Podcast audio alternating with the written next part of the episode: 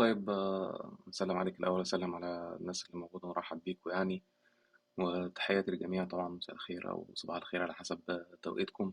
شكرا ليك طبعا على على الدعوة وشكرا ل- لماركوس وعمر آه، اللي هيجوا بعد كده يعني. وشكرا للناس اللي سمعنا دلوقتي. أنا عارف إن الوقت متأخر فعند معظم الناس اللي وشكرا عندها كلاب هاوس. وشكرا لمحمد رضا يعني. بصراحة كان وسيط جميل يعني بيننا. لا أنا محمد رضا أنا م- مخاصم ما أقدرش إن أنا أشكره يعني معلش يعني. أتمنى تطردوا من الروم يعني برضه يعني احتياطي. طبعا يعني آه، تحياتي طبعا ده أخويا وصاحبي طبعا يعني محمد رضا يعني الناس كلها عارفة يعني أنا عارف ان أنا بهزر يعني. آه، خليني أبدأ أجاوب على السؤال الأولاني. هل اللادينيه معتقد؟ هو أي ادعاء في الدنيا هو اسمه معتقد يعني على حسب نظرية المعرفة. أي ادعاء ايا كان هو اعتقاد. آه، فلو أنا آه، لو عرفت اللادينيه هي معناها أو يعني الإدعاء ببشرية الأديان هو ده معتقد عادي يعني. وكونه وكونه معتقد ده ده لا هو لا إهانة ولا حتى بتساويه بالأديان بتساويه ببقية المعتقدات من من من حيث إن هي معتقدات آه أنا أعتقد أن الأديان بشرية. ده ده هو كده اسمه معتقد. ممكن تبص لها من زاوية تانية إن أنا أنا مش معتقد حاجة خالص وأنت اللي جاي تدعي. آه، إن في حاجة اسمها أديان وكده. افترضنا إن الوضع ال neutral يعني مثلا الإنسان حال الطبيعة آه، آه، قاعد في الغابة يعني في أمان الله عمال بي بي بي بيصطاد عصافير. وأنت جيت قلت له على فكرة في حاجة اسمها دين وفي حاجة اسمها إله والإله ده بعت أنبياء وكلام من ده. فأنت كده اللي ادعيت حاجة أنت اللي المفروض أنت تطالب يعني أنت مطالب إنك أنت تثبت. هو هيقول لك لا أنا ما يعني أنا مش أنا مش شايف إن ده ده, ده دليل كافي. واخد؟ فهو ما عندوش اعتقاد هو كده لا ينشأ عليه اعتقاد. لكن حتى كونه هو معتقد ماشي. أما لو أنت قصدك تقول إن هو معتقد بمعنى إن هو دين يعني اللادينيه هو في حد ذاته دين فهنا الحقيقة ممكن الإجابة تبقى آه ولا لأن هي بتعتمد على الشخص اللي اللي, اللي يعني متبني الفكرة دي. أنا ممكن أبقى شايف إن إن اللادينيه دين بمعنى إن هي بالنسبة لي هذه الفكرة نفسها مقدسة. فكرة إن الأديان بشرية الفكرة دي مقدسة. قد قد يبدو الموضوع controversial شوية لكن لكن يعني عادي يعني أنت أنا أنا بقول إنه اعمل أي حاجة تصرف أي حاجة قول لي أي حاجة اديني أي اقتراحات بس آه، يعني مش هنقرب لفكرة إن الأديان مقدسة. أنت كده قدست الفكرة دي فأنت حولتها لدين. فهو الدين هو عبارة إنه يعني مجموعة من من الناس متجمعين حوالين فكرة هي غير قابلة للنقد. هي فكرة مقدسة. في إيديك أنت إنك أنت تحول أي فكرة إن هي تبقى دين. أي فكرة. إن شاء الله مزيكا إن شاء الله فكرة شعر. إن شاء الله إن- انتمائك لمدرسة معينة في ال في ال في ال في ال في, ال في, ال في الشعر والأدب والفن.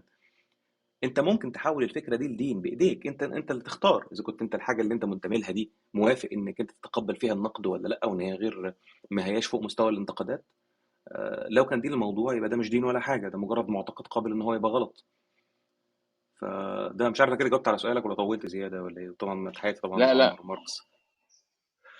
ازيك يا عمر ازيك يا ماركوس هو يا صباح الفل. Hello. وده على أساس والله البيدي أنا هعمل لك هعمل لك عقاب بعد كده. 11 AM on a Monday morning. مش عارف أقول لك إيه. حب الحب. ازيك يا أحمد؟ يا عمر باشا. آه، ازيك يا إيه عمر؟ الأخبار. تمام. ازيك يا أستاذ ماركوس؟ وشكرا على الدعوة آه، من منكم جميعا يعني لبيدي وماركوس. وعمر هاي هاي. آه، وعمر و- والبيري طيب هو أنا قلت السؤال الأولاني ماركوس تحب تكمل أسئلة ولا أسأل أسئلتك لو أنت هو يمكن آم، آه، هو آه، أحمد آه، البيدي شكرا على ال- انك كمان آم، آم، دعيت أحمد سامي و ك يعني بداية أنا ما أعرفش برضه لو أنت عملت المقدمة على. على فكرة الموضوع الواحد الصراحة آم، كده لما كحد بيشوف يعني آم، على الكلاب هاوس وكحد متابع ل لإزاي الناس من من خلفيات شرق أوسطية بت ممكن إنها بتحب نوعية حاجات معينة من الحوارات. آمم، وجزء كبير من الموجود على الclub house أو حتى الحوارات بصفة عامة، هو الحوارات الخاصة بحوارات ال الأديان أو ضد الأديان آآ، أو الأديان في بعضيها أو أو آمم، دينيًا أو كده، ودوّة ده بيتسمى بال الإنجليزي apologetics آمم إد ما يسمى كمان بالدفاعيات، فكان شيء فقُلت ما طب ليه إحنا بدل ما آمم أو ممكن تكون فكرة جديدة تتعمل إنه آمم بدل ما نتكلم عن الأديان أو المعتقدات أو عن اللادينية تحديدًا أو على الأفكار آمم ال أو على المعت المعتقدات، نعمل حوار مع آآ أشخاص من خلفيات مختلفة آآ على هذا الموضوع. إزاي آمم ليه ناس بتتكلم على دين معيّن بتدافع عنه، بتهاجم دين معيّن، آآ بتدافع عن مثلًا معتقد معيّن أو آمم آمم أو بتهاجم أ وحتى كمان كلمات الهجوم والدفاع بتتغيّر من شخص لشخص. فدي كانت الفكرة ال الأساسية الصراحة إن إحنا خلّينا طيب نقدّم ناس من خلفيات مختلفة، آآ ممكن تكون بتدخل في حوارات أو ما تدخلش، بس ده يكون يمكن مُثري شوية إنه الناس تعرف آآ أفكار. مش شرط كمان حتى إنه يعني أنا أنا الصراحة في رأيي ما أعتقدش مثلًا إنه شخص واحد ممكن يمثّل معتقد واحد أو خلفية معيّنة، بس كويس إن إحنا ممكن نتعلم من بعض عن خلفيات بعض ال اللي ممكن تكون مختلفة عن يعني بس، فدي الصراحة كانت الفكرة ف آمم على سلسلة زي كده يعني. ف وأحمد طبعًا ابتدى بأحمد سامي، فدي حاجة جميلة يعني، وشكرًا على إجابة السؤال الأولاني يا أحمد آآ سامي. آه، شكرًا ليك يا ماركوس، وأشكرك على الكلام الجميل يعني، وكويس إن إحنا يعني بقى في عندنا متسع إن إحنا نستحمل بعض ونقبل أفكار مختلفة طالما طُرحت بموضوعية يعني. شهور. اتفضل يا ماركوس. لأ ف فطيب يعني آآ لو سألت الع لو جاوبت فعلًا على السؤال الأولاني أو آآ أنا بافكّر كده أهوّة كحد ممكن يكون بيتابع من بعيد أو قريب الح ال الحوارات اللي ممكن تكون موجودة على clubhouse أو أو برّه. آمم أنت شايف إنه الناس اللي موجودين أحمد سامي، آآ أنت شايف إنه هل في ممكن ممكن نقول إن في حد مثلًا ممثّل للادينية أو آآ بعد ما جاوبت السؤال على هل اللادينية معتقد أو لأ، آمم هل أنت شايف إنه ممكن حد يقول أوه ممثّل اللادينيين مثلًا كذا وكذا، زي ما ممكن مثلًا بيتقال على أديان معيّنة ممثّل ممثّل للكاثوليكية مثلًا Pope Francis ممثّل مع حتى برضه اختلافي مع هذا ال الموضوع ده أنا على المستوى الشخصي يعني، ولإنه كمان في تعدُّدية كبيرة داخل كل الناس من طوايف حتى من طوايف أو معتقدات مختلفة. هل أنت شايف إنه في ممثّل للادينيين آآ في العالم أو على الclubhouse؟ يعني هو أنا أنا يعني أنا مع كوني آآ لا ديني، باقول لك إنه الأديان نفسها ما لهاش ممثّل. يعني لو جيت قُلت لي مثلًا هل فلان يمثّل الإسلام؟ هل فلان يمثّل المسيحية؟ هل فلان يمثّل هل داعش تمثّل الإسلام؟ هل مثلًا الأشاعرة يمثّلوا الإسلام؟ هاقول لك لأ، ما ينفعش، ما ينفعش إن أنا أقول حاجة زي كده. أنا عارف إن ممكن في لا لا دينيين آخرين أو ربما مسيحيين آخرين آآ أو ربما يهود أو، أو، أو، يقول لك آه، آه داعش تمثّل الإسلام. أنا شخصيًا آآ باقول لأ، ما ينفعش، لإن الحكم على الشيء فرع عن تصوُّره. يبقى أنت كده عارف الإسلام الصح إيه، فبالتالي قادر إنّك أنت تميّز. أنت يبقى أنت شخصيًا أنت كده بتمثّل الإسلام، أو اللي أنت هتقوله ده هيمثّل الإسلام، ما أنت عارف يعني كلامك ورأيك موق مطابق للواقع. فما بالك بقى باللادي باللادينية. آآ ودايمًا ال المثال اللي أعتقد كان كان كان بيضربه أفتكر كريستوفر هيتشنز، اللي هو يعني يعني يعني لو أنت بتتكلم على حد يمثّل اللادينية، يعني هنعتبر اللادينية ديّة فكرة بتجمع الناس. آآ معنى كده إنّك أنت عايز فكرة زي مثلًا إيه، فكرة مجموعة الناس اللي ما بيحبوش عصير القصب مثلًا، فأنت عايز تقول لي مين مين اللي بيمثّل مجموعة الناس اللي ما بيحبوش عصير القصب؟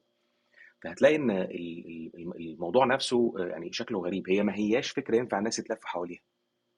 هي بقت فكرة لمّا هم اتزنقوا في الرُكن. فأنت اتهيأ لك إن هي بقت لإن الboundaries ات اترسمت مرسومة already organically. إن بقى في boundary إسلام، في boundary مسيحية، في boundary يهودية، في boundary بوذية، في boundary كده، ات اترسمت، فالناس اللي ال حتى الناس اللي برّه الboundaries هم جوّه من الناحية التانية. ف... فأنت اتهيأ لك إن هم في النص بقى دين هم كمان فبالتالي أنت بتتكلم على واحد ممثل ليهم في حين الاصل لأ مش كده الاصل إن الإنسان حال الطبيعة ما هوش م- منتمي لأي دين أساسا. وأول boundary بتترسم مع أول واحد قرر إن هو يتدين بدين. فما فيش ليهم ممثل أصلا. الممثل إيه؟ ممثل اللادينيه هو ممثل البشر حال الطبيعة. مين ممثل البشر حال الطبيعة؟ مفيش مفيش ليهم حد ممثل ليهم. ولأنه كمان مفيش أفكار منبثقة من الموضوع ده. مفيش أفكار مترتبة على ده إلا لو أنت مثلا كنت منتمي لحاجة مثلا زي ال- ال- ال- ال- ال- العلمانية مثلا الإنسانوية مثلا يعني ال- ال- ال hu- ال human مثلا secularism دول عندهم manifest عندهم manifesto وال manifest ده كمان ليهم versions القاعدة الأولانية لا يوجد إله. القاعدة الثانية ما عندناش غير الطبيعة والطبيعة هي كل حاجة كل في الكل. القاعدة الثالثه الأديان كلها غلط. دول عندهم manifest وهم كلهم مقتنعين بال manifest ده. دول آه ممكن يكون ليهم واحد ممثل ال- ال- ال- العلمانيه الانسانويه دي. أنا ماليش دعوة بيهم. أنا مش متفق معاهم أصلا. فأنا مفيش فكرة معينة بتجمعني مع حد تاني. بل في أفكار تجمعني بناس وأفكار تانية تبعدني عنهم. أنا ما بيني وما بين المسلمين اللي بيشجعوا الاهلي بيجمع ما بين إن إحنا بنشجع الأهلي. ما بين وما بين واحد لا ديني ما بيشجعش الأهلي. إحنا كده متنافرين في الفكرة دي. ما بتجمعش ما بيننا الفكرة دي. فلا ما أعتقدش إن في حد ممثل لا دينيه ولا أعتقد إن في أي حد أساسا يعني ممثل الأديان نفسها ولا هتلاقي لا اتنين آه، آه، متدينين بدين ما متفقين في كل الأفكار ويعني ليس أدل على ذلك من اللي إحنا بنشوفه في هاوس بشكل عام مش حتى الفترة الأخيرة يعني بس بشكل عام أصلا. آه، ولا في اتنين بينتموا لأي فكرة بيمثل حد منهم بيمثل الفكرة أو الاتنين حتى متفقين فيها. طيب شكرا شكرا يا أحمد. آم، أنا كمان كان عندي سؤال تاني اللي هو فكرة هل, هل أنت مثلا بتعتبر نفسك apologist أو مدافع عن اللادينية؟ يعني أنت في فكرة إن الناس ال apologists اللي هم ال- الدفاعيين بنلاقي مثلا حد زي المشهورين في في التاريخ مثلا الإس- المسيحي مثلا آه، حد زي رافي زكارياس ممكن كمان آه، يعتبر دوكنز آه، واحد من المدافعين عن ال- اللادينية والإلحاد كابولوجيست بنشوف كمان حد من المدافعين عن ال- الإسلام أو الدفاعيين آه، حد مثلا مشهور جدا زي تاريخيا زي أحمد ديدات. هل أنت نمرة بتعرف نفسك كدفاعي أو مدافع عن آه، اللادينية آه، دي نمرة واحد. اتنين هل أنت شايف إنه ال- اللادينية محتاجة آه، دفاعيين أو بقى بالنسبة لي أنا لا أنا أكيد إن أنا ما لا أنا لا أنا شايف نفسي في فريق ال- اللا لاهوت الدفاعي بتاع اللادينيه آه، ولا ولا شايف نفسي آه، يعني مبشر باللاديني لأن أنا مش عارف يعني أنا أنا أنا مش أنا مش بحاول إن أنا أقدم لك فكرة قصاد الفكرة ديت يعني بدل ما أنت بتحل بالطريقة دي خد حل بالطريقة الثانية دي. أنا أنا حتى أنا مش شايف إن ده ده حاصل. وإن كان يبدو أنا عارف إن الناس لما بتلاقي واحد بيتكلم في, نفس الحاجة آه، فترة طويلة جدا جدا فبت بت بت ب- يعني بتجد يعني بتجد صعوبة في إنك أنت تصدق إن الشخص دوت مش بيبشر بالحاجة دي. أنا أنا فاهم أنا يعني الحتة ديت أنا أنا فاهمها. لكن الحقيقة لأ لو أنت عايزني لو عايز تسألني أنت بتبشر بإيه أنا ببشر بالعلمانيه لو لو بتسألني أنت عايز تدعو لإيه أنا أنا أدعو إلى الدولة العلمانية. لو عايز تلبلني تحط عليا ليبل بحاجة آه أحمد علماني ينادي بالعلمانية ويدعو إلى ومن دعاة العلمانيه العلمانية السياسية طبعا أنا قصدي أقول. فدي الحاجة الوحيدة اللي أنا بدعي إليها. آه، في طريقك وأنت بتدعو لحاجة زي كده لموضوع ال- ال- العلمانية أنت ممكن تتناول الموضوع آه، آه، يعني من ناحية معرفية وبتتناول الموضوع من ناحية سياسية. فلما بتناول الموضوع من ناحية معرفية الفكرة فيها إن أنا أوصل لك إنه مش كل الناس مقتنعين باللي أنت آه، مؤمن بيه بدينك اللي أنت مؤمن بيه آه، ومن باب أحرى مك- مش كل الناس مقتنعين إن ينفع دينك يكون مصدر للتشريع. آه، لأنه مش كل الناس مقتنعة بيه. وده حتى كمان الناس اللي مقتنعين بيه زي حضرتك كده هتلاقيهم مختلفين معاك حتى في العقيدة. هم مختلفين معاك حتى في صفات إلهك اللي أنت بتعبده. فأنتوا يعني يعني أنا يعني لا فيكوا واحد ممثل ولا فيكوا طائفة سائدة مثلا الواحد يقدر إن هو يرتكن إليها ولا مهيمنة حتى معرفيا عن على ال- الطوائف ولا أنتم متفقين من بينكم وبين بعض ولا في وفي ناس تانيين مش مقتنعين بالموضوع مربوطه أصلا. فدي من الناحية المعرفية ودي من الحاجات اللي إحنا بنتكلم فيها. إيه اللي طالبه منك؟ مش طالب منك إنك تبقى زيي أنا طالب منك إنك تقبلني. أنا طالب منك إنك أنت تعرف إن مش كل الناس اللي موجودين مقتنعين بالفكرة دي ولا حتى اللي من من جلدك. مقتنعين بالفكرة دي أو ليهم نفس الأفكار متفقين معاك فيها فبالتالي يبدو إن مش هينفع نستعمل فكرة الدين ديت في إن هي تبقى تشريع لل- للبلد. فدي من الناحيه المعرفية. من الناحيه السياسية إن إحنا نقول طب يا عم هات اللي عندك وأنا أجيب اللي عندي وتعالى نرجع للتاريخ وتعالى نبيفت على الحاضر ونشوف مين اللي أثبت إن هو صح ومفيد وصالح لل- لل- للمجتمعات والشعوب أكتر. بغض النظر بقى دينك صح ولا غلط إحنا بنتكلم هنا سياسيا إحنا ما بنتكلمش معرفيا إحنا بنتكلم في إنه أنت عندك نموذج هاته وأنا هجيب النموذج بتاعي وأنا هجيب صحابي من على القهوة وتعال نقعد مع بعض قعدة رجالة كده ونشوف مين ال- ال- الصح نعمله ويمشي علينا كلنا. لكن أنا مش بدعو للادينيه أو مش يعني مش شايف إن هي من الحاجات اللي ينفع الواحد يبشر بيها أصلا يعني. هل ممكن واحد تاني؟ إن هو يعمل كده طبعا أنا بتكلم عن نفسي في الأول وفي الآخر يعني. أتفهم جدا اللي, اللي يطلع يقول مثلا لا أنا عايز أنا عايز الناس تسيب دينها. أنا عايز الناس أو عايز الناس تشك في دينها أو أنا عايز الناس كلها يبقوا لا دينيين أو أنت حر عادي براحتك. براحتك مفيش مشكلة بس ده مش توجهي يعني. طب معلش يا ماركوس أنا قول يا عمر آه. أم، أحمد اتكلمت عن موضوع الفرق إنه في ناس تانية وفي اختلافات وسط الدين نفسه وإن أنت مش قابل الكلام ده كمصدر تشريع. هو في فرق بين اللي أنت بتقوله ده وأي مجموعة إيديولوجية على أرض الواقع بتتكلم من أي ايديولوجية إن هي عايزاها تبقى الايديولوجية الحاكمة أو الايديولوجية المشرعة أو صورتها للصح والغلط مب... اللي مبني على الايديولوجية دي. يعني أنا عندي مثلا كذا أساس للعلمانية. أم، كان في مش مش هندخل very deep بس كان في اللي هي النظرة ال- خلينا نقول ال top down للعلمانية إن أنت عندك 3 ethics.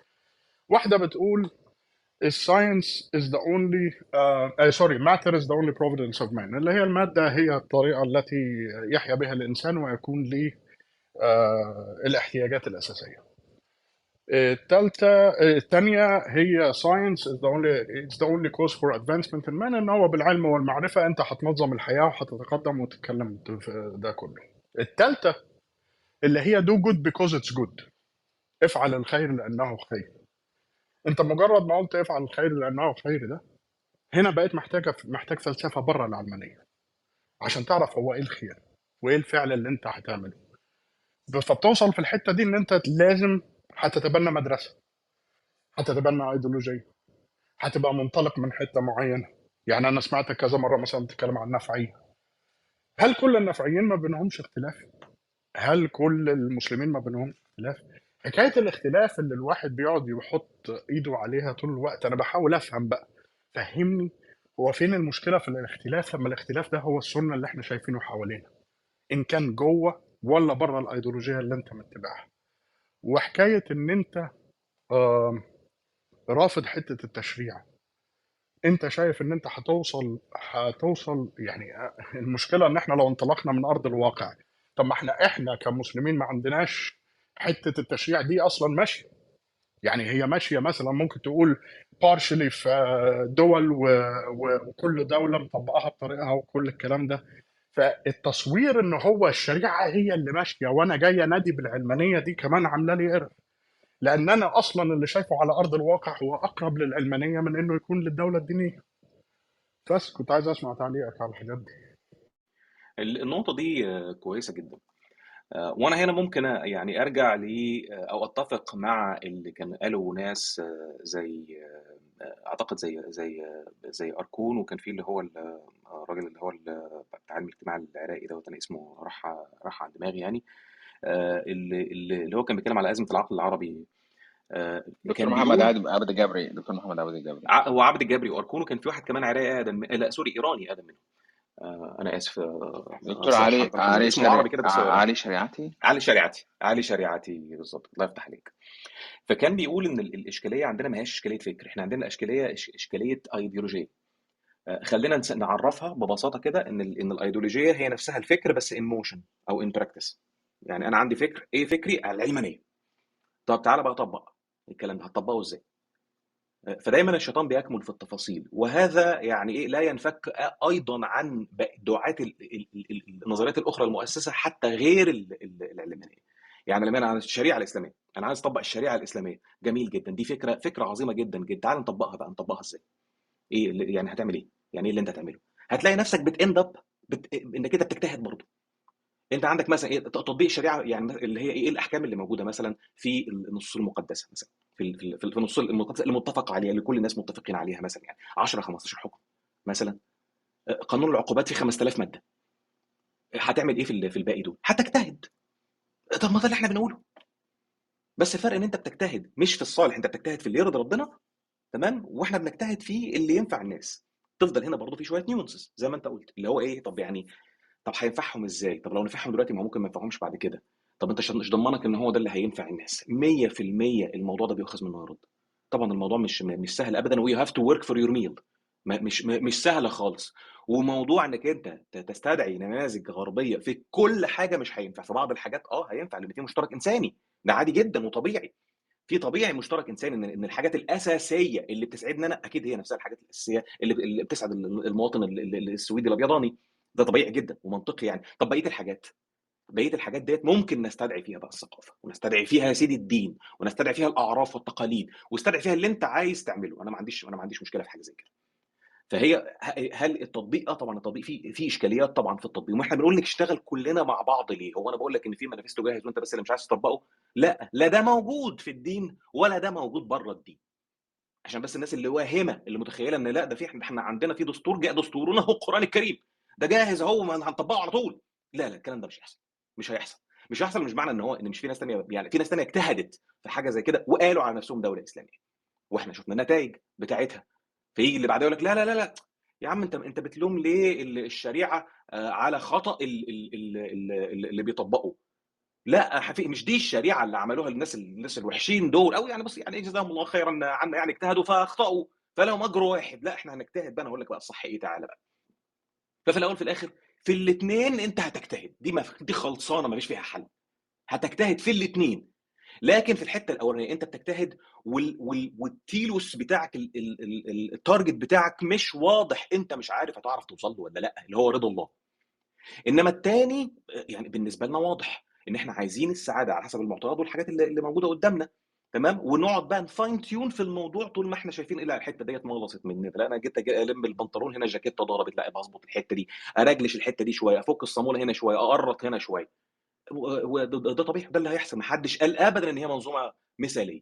ما حدش قال ابدا إن هي منظومة perfect أو one size fits all لا ده موجود ولا ده موجود ولا ده موجود. اللي حاصل دلوقتي إيه؟ اللي حاصل إن هو دلوقتي في تزاوج آه، يعني أنتج مسخا من الأنظمة الحاكمة. لا هو علماني ولا هو تشريع إسلامية. حاطط مثلا مادة في في الدساتير كلها اللي موجودة عند عند العرب إن الدين هو الدولة دينها كذا أو شريعتها كذا لا منك طبقت العلمانية زي ما هي ولا منك طبقت الدين الإسلامي زي ما هو أنا مش عارف أحاسبك على إيه ولا إزاي.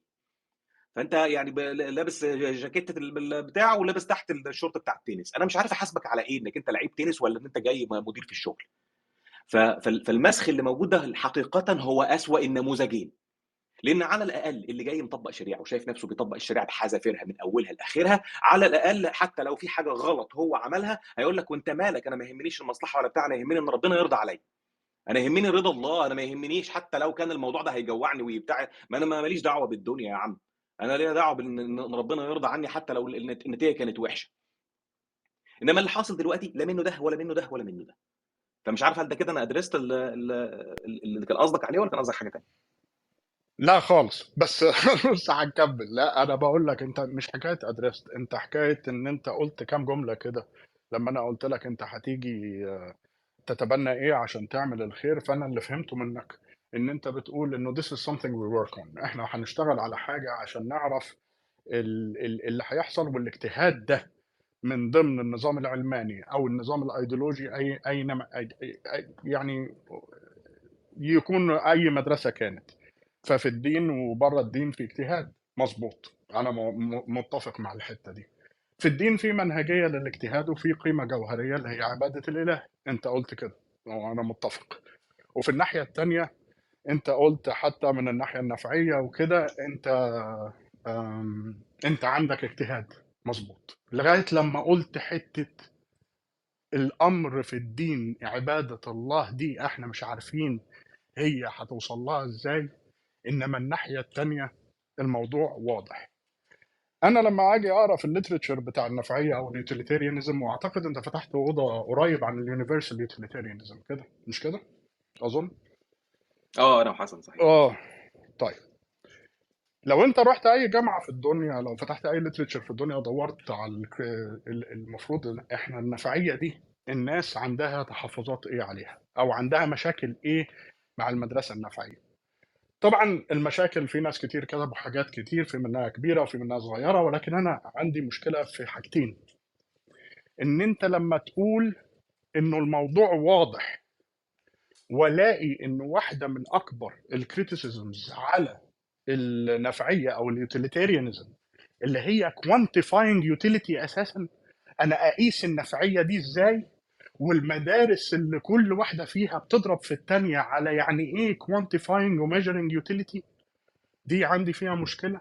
والحاجة الثانية إنه في أساس أي نظام اجتماعي لازم يكون العدل العدل ك concept مش العدل ك العدل الإسلامي أو العدل الإيديولوجي أو أو whatever لا العدل ك concept العدل عند البيدي هيبقى كواحد متبني مثلا آه آه آه خلينا نقول for the sake of argument يعني مبدأ شيوعي.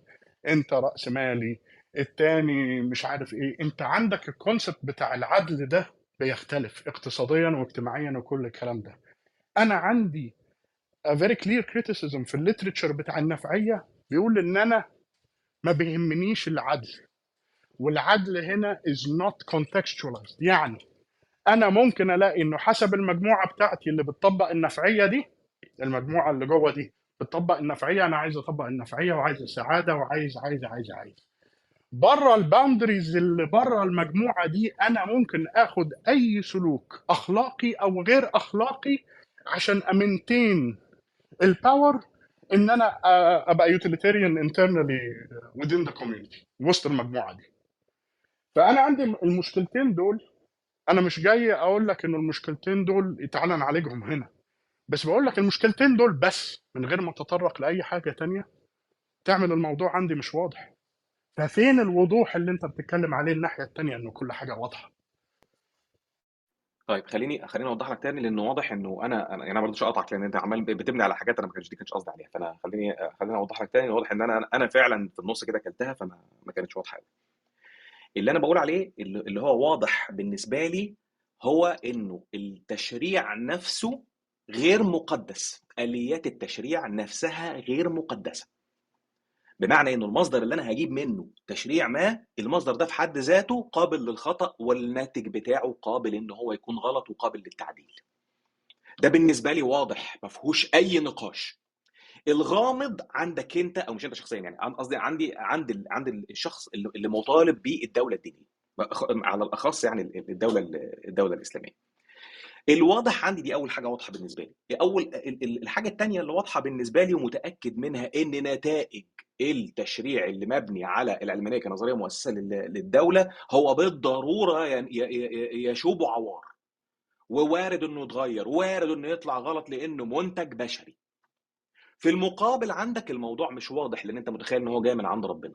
وإلا لو كان اللي عندك كمان منتج بشري فإيه الفرق بيني وبينك؟ مفيش فرق خالص. يبقى كلها علمانية بما فيها حتى كمان التشريعات الدينية. فبدل ما انت تقدس حاجة لا ما تقدسهاش انت كمان وتعالى أنا وانت ما نقدسش اي حاجة بما ان كله من- منتجات بشرية. الحاجة الثالثه المهمة هنا برضو واللي واللي بتحصل فيها إشكاليات كتير طبعا تعريف اليوتيليتي وتعريف ال calculus بتاع ال utilitarianism و و و إلى آخره من الحاجات اللي هي المشهورة دي ده من أيام بنتهام. لغاية دلوقتي ومع النظريات الحديثة بتاعت آه، جون رولز و ل- ل- آه، اسمه اسمه اسمه مين؟ آه، آه، الراجل الألماني ده راح راح عن دماغي يعني الاسامي الناس الفقهاء الح- الحديثين يعني بتوع بتوع العلمانيه الموضوع طبعا فيه فيه اختلافات وفي صعوبة جدا في التطبيق ما اختلفناش في حاجة زي كده بالذات بالذات موضوع التشريعات ولكن هنا في إشكالية أساسية لازم تكون واخد بالك منها. ال- التفريق والتمييز. ما بين الأنظمة الحاكمة اللي بالمنظر ده لا يقوم بمنتجات هذه الأنظمة ولا بالقوانين اللي اللي نتجت من النظرية المؤسسة. بل ال- ال- ال- ال- الفرق وال- والتقييم ما بين النظريات دي بيكون على أساس النظرية نفسها. يعني من الأول إحنا هنعمل التشريع إزاي؟ هنعمله من عند ربنا ولا هنعمله مجهود بشري كده وإحنا ونصيبنا وربنا وفقنا ان إحنا بقى نعرف السعادة إيه ونعدل واحدة واحدة واحدة واحدة ونبني على اللي فات. ده المقصود ده ده المفروض. إنما لو انت هتتكلم على النواتج بتاعتها كقوانين إن أنا جيت عملت قانون ما طلعش كويس ما طلعش في مصلحة الناس. أما ده طبيعي إن هو يحصل. والعلمانية هنا لا تقاس ولا تقيم بالقوانين اللي مبنية عليها بتتقيم بالنظرية المؤسسة. وأنا ضربت على ده مثال قبل كده. قلت أبسط مثال في الدنيا. هل حد ينكر إن مثلا أوروبا الغربية كلها علمانية؟ يعني فرنسا آه، النمسا السويد آه، بريطانيا ألمانيا. حد ممكن يقول مثلا دي دول مثلا إسلامية مثلا؟ أو بت أو بت أو تقتبس آه، مثلا تشريعاتها مثلا من الكتاب المقدس؟ أكيد لأ. أكيد معروف إن هي كلها علمانية. طب هل القوانين كلها واحدة؟ القوانين اللي موجوده في بريطانيا هي نفس القوانين اللي موجوده في فرنسا هي نفس القوانين اللي موجوده في في, في المانيا تاني يا سيدي فيما يخص ال- ال- السعاده بتاعت ال- الناس وفيما يخص يا عم الحقوق والحريات والملكيه الخاصه هل هي واحدة لا مش واحدة بالرغم ان العلمانيه أصلا اتبنت على فكره التاصيل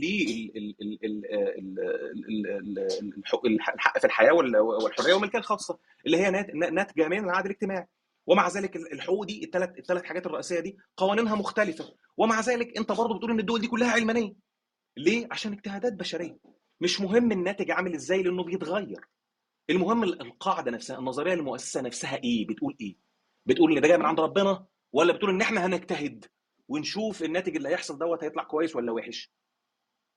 فده فده الفرق. مش عارف إذا كان ده ده وضح لك لا تمام. يعني ده ده ده جاوب على على الأسئلة عشان أعرف. أنا أنا لعلمك يا أحمد أنا مش النهاردة بالذات يعني أنا مش مش جاي نظرك ولا جاي إن إحنا بالعكس إحنا أنا ماركوس قال لي إن إحنا النهاردة عايزين يعني نتعرف على أحمد أكتر. أنا أنت عارف إن أنا وأنت ممكن يعني نصول ونقول في الكلام ده للآخر. يعني يعني ال- ال- التطور الطبيعي للنقاش ده كان هيبقى سؤالي اللي بعد كده اللي هو طيب ما أنا هاجي لك ونقول لك يلا بقى نتكلم في المنظومة القيمية اللي أنت بتستمد منها الآليات لأنه لازم يكون في مواد ما فوق الدستوريه والكلام ده كله. ولكن النهارده أنا هسيب شوية لماركوس وممكن إحنا نكمل بعدين. هو أنا مش قد الأسئلة خالص بالعكس دي فرصة كويسة إن الواحد يعني يتعلم ويقول اللي عنده ولو طلع غلط يعني أكون سعيد جدا وأستفيد يعني. لا مش حكاية يطلع غلط بالضرورة لأنه الغلط والصح ده أصلا منبني على أنت اعتقادك إيه وأنا لو جيت قلت لك إن أنا مثلا divine command theorist إلى أبعد الحدود هتيجي تقول طب ما أنا مش مقتنع بالكلام ده. لو جيت كلمتك في التغيير ونظرتي للإجتهاد اللي أنت بتتكلم عليه جوه وبره الدين لو جينا اتكلمنا هنفتح هو الموضوع إن إحنا هنفتح كذا موضوع وإحنا ممكن نعمل rooms بعد كده ناخد موضوع بموضوع. أنا مش بس مش عايز أتشعب في كذا حاجة وهنكمل في الأسئلة بس يعني أدي ماركوس حقه عشان ال room room برضه. شكرا يا عمر. مش قصدي أنا الصراحة أنا جاي من خلفية كمان مختلفة شوية عن موضوع الحوارات آه، الفكرية إذا كان في الأديان أو المعتقدات أنا عن نفسي صراحة على المستوى الشخصي ممكن أكون بتوه فيها. بس في في نفس الوقت مع إني كنت حد من الناس اللي كحد من خلفية مسيحية و- ومتعمق جدا في اللاهوت والكلام فيه وكده هوت في فترة من فترات حياتي. آم، بس كان intention مهم الصراحة إنه باحس إن في othering جامد للآخرين اللي هم من الناحية التانية، بمعنى إنه مثلًا أحمد سامي هو من اللادينيين، ده حد من اللادينيين هم هناك، هم دول الناس هناك بعيد، آمم، أو مثلًا حد ممكن مثلًا تلاقيه بيتكلم على الclubhouse حد مثلًا معرّف نفسه إن هو مثلًا آآ، إسلامي أو بيدافع عن الإسلام أو ما بين قوسين الناس التانية اللي من الناحية التانية بي بيهاجم أديان أخرى أو مثلًا بيكون ما بين قوسين برضه ناس تقول إن هو بيهاجم اللادينيين أو، أو، أو، بس هو الناحية التانية. أنا الصراحة من الأسئلة النهارده أنا باتمنى إن ممكن الواحد يتعرّف أكتر على آمم، على آمم، الناس اللي بتتكلم في اللادينية أو الناس اللي بتتكلم في في في المسيحية أو في الإسلام على الclubhouse أو برّاه، هم آرائهم إيه عن ال اللي هم بيعملوه واللي الآخرين بيعملوه في نفس السياق بتاعهم؟ مش شرط حوار يكون على الأفكار اللادينيين أو أو أفكار اللادينية أو كده هوّة، لأ على الtechniques على ال على الecosystem على الenvironment اللي ممكن يكون ده بيحصل فيه. فلمّا أحمد كان بيتكلم على لمّا أحمد سامي كان بيتكلم على لو أنا سألت السؤال ال الأخير وبعدين تطرق هو مباشر يعني بطريقة غير مباشرة للتبشير، لمّا أنا سألتك على هل أنت دفاعي؟ فأنت قُلت إن هو لأ، أنت ما تعتبرش نفسك واحد من الدافعين عن ال اللادينيين. آمم والحاجة التانية أنت تطرقت فيها وده كان هيبقى سؤالي التاني، إن هو هل أنت آمم هل أنت شايف إنه نمرة 1 في تبشير يعني إحنا مثلًا ما شايفين آآ في المسيحية مثلًا آآ الدفاعيين عن آمم عن المسيحية بيبقى هدف من أهدافهم الأساسية التبشير.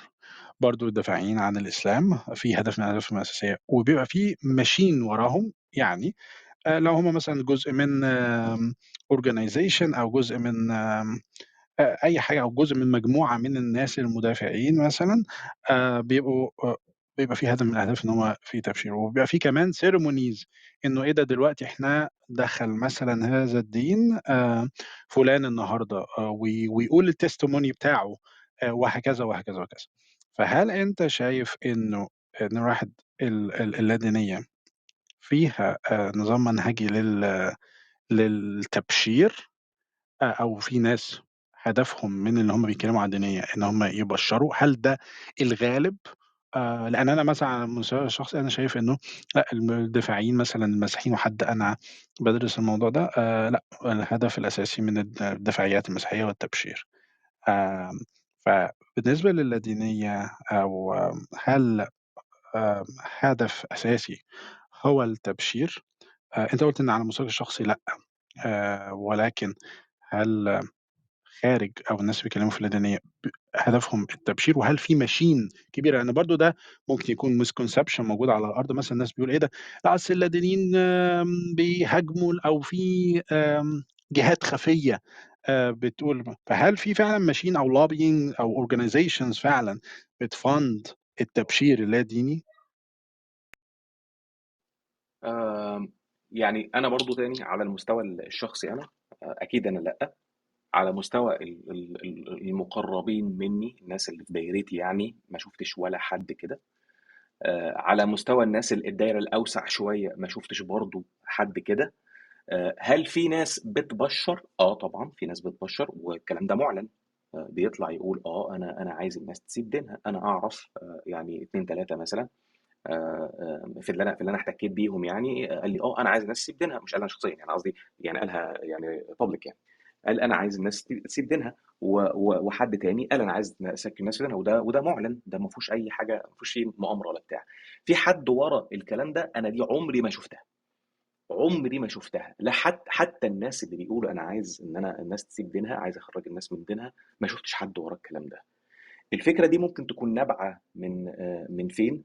أ ربما تكون قياس. يعني آآ أنا مثلًا مسلم أهو، وأنا عارف إن في منظمات إسلامية كتير بتموِّل الناس اللي هي ال ال الحملات ال الدعوة والحاجات ديّة.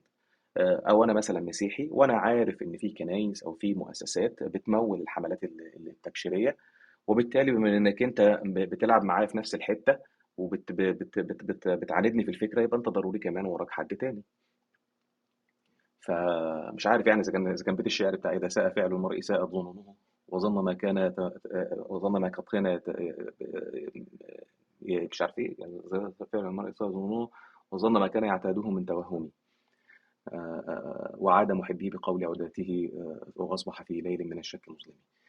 يعني يعني بما إن أنا باعمل كده، فباحس إن كل الناس زيي مثلًا، أو بإن أنا شُفت الكلام ده كُلّه كتير في ال في الحتّة بتاعتي، في المساحة بتاعتي، ففي الغالب كمان الناس اللي في المساحات التانية برضه زيّنا. لكن أنا شخصيًا أنا فعلًا ما شُفتش. وقعدت فكّرت في الموضوع بمعنى إنه يعني لو أنت بتتكلّم في في ال في الدوائر بتاعتنا إحنا هنا مثلًا كشرق أوسط، لو بتتكلّم في الدوائر بتاعتنا أ أنا أعرف كل الناس المتصدّرين. كل الناس المتصدرين فعلا فإذا كان الناس المتصدرين دول كلهم يعني ما فيش حد فيهم بيمول لحاجة زي كده. أنا عارف معرفة شخصية معرفة معرفة قهوة يعني.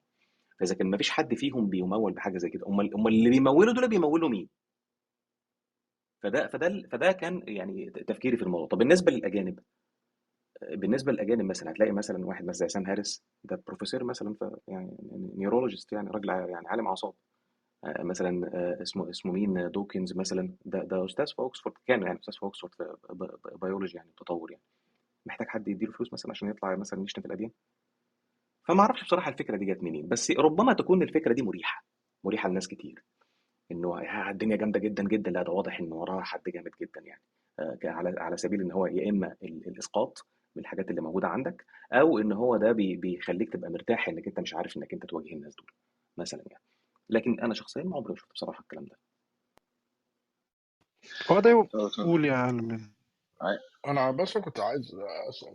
آه أقول يا احمد لا لا آه لا خلاص ماشي أنا اتفضل يا عمر. لا خلصوا النقطة دي عشان أنا هسأل سؤال لا لا يعني أنا- متعلق بالحتة دي بس في في حاجة لا تانية. أنا أنا هروح. لحته تانية خالص. أنا هروح لحتة تانية آه خالص. طب خليني آه أسأل عايزين. في الحالة دي. آه, آه لأن ناس كتير يا أحمد ب- متضايقة من ال من الكامبين بتاع آه بتاع الهاشتاج بتاع نحن الأعلون وكل الكلام ده. لسبب أو لآخر بقى الهاشتاج صح غلط دي مش مش مش مش اللي عايز أتناقش فيه. أنا اللي عايز أتناقش فيه هو موضوع ال superiority. موضوع ال superiority اللي أنا بتكلم عليه اللي هو التعالي بشكل عام من ناحية آه لأنه أنا هنا ما بجمعش. أنا أنت عارف طبعا أنا عايش بره وفي يعني صحابي جوه وبره الوطن العربي في لادينيين كتير. أنا بحاول أفهم حتة السوبريوريتي آه للي بيطلقوا على نفسهم كمجموعة هي مجموعة التنوير. كأنه أي حاجة بره المجموعة دي هي ظلمة أو تؤدي إلى حاجة سلبية بالضرورة. السوبريوريتي ده هل هو illusory ولا هو عند أحمد سامي مبرر؟ يعني في sense of superiority. وليه evidence. ولا هو illusory وملوش ملوش ملوش واقع هو بس يعني عادة مجتمعية كده إن إحنا بنعمل بروباجندا لنفسنا فإحنا المتنورين والباقيين كلهم عايشين في ضلمه يعني أنا أنا شايف إن دول موضوعين آه، عموما يعني. بالنسبة للموضوع الأولاني مثلا حاجة زي موضوع الهاشتاج أو كده أنا ما أنا ما أعرفش بس أنا كنت شفت حاجات آه، مع يعني معدية كده rooms كده معدية على أي حاجة ليها علاقة بال- بالموضوع ده. وأنا دايما بقول إنه كتير من ال ال يعني آه، سوء ال- ال- الحكم آه، اللي كلنا آه، بنقع فيه وأنا أولكم طبعا يعني آه، هو بيبقى بسبب إن إحنا داخلين في نص الفيلم. وحتى أنا كنت بضرب حتى ال- المثل ده كتير جدا ويمكن حتى الراجل بتاع ال Seven Habits كان ضرب حتى ال ال ال المثال ده اللي هو لو حد طبعا الراجل بتاع بتاع إيه يا أحمد؟ الله إيه؟ يرحمه.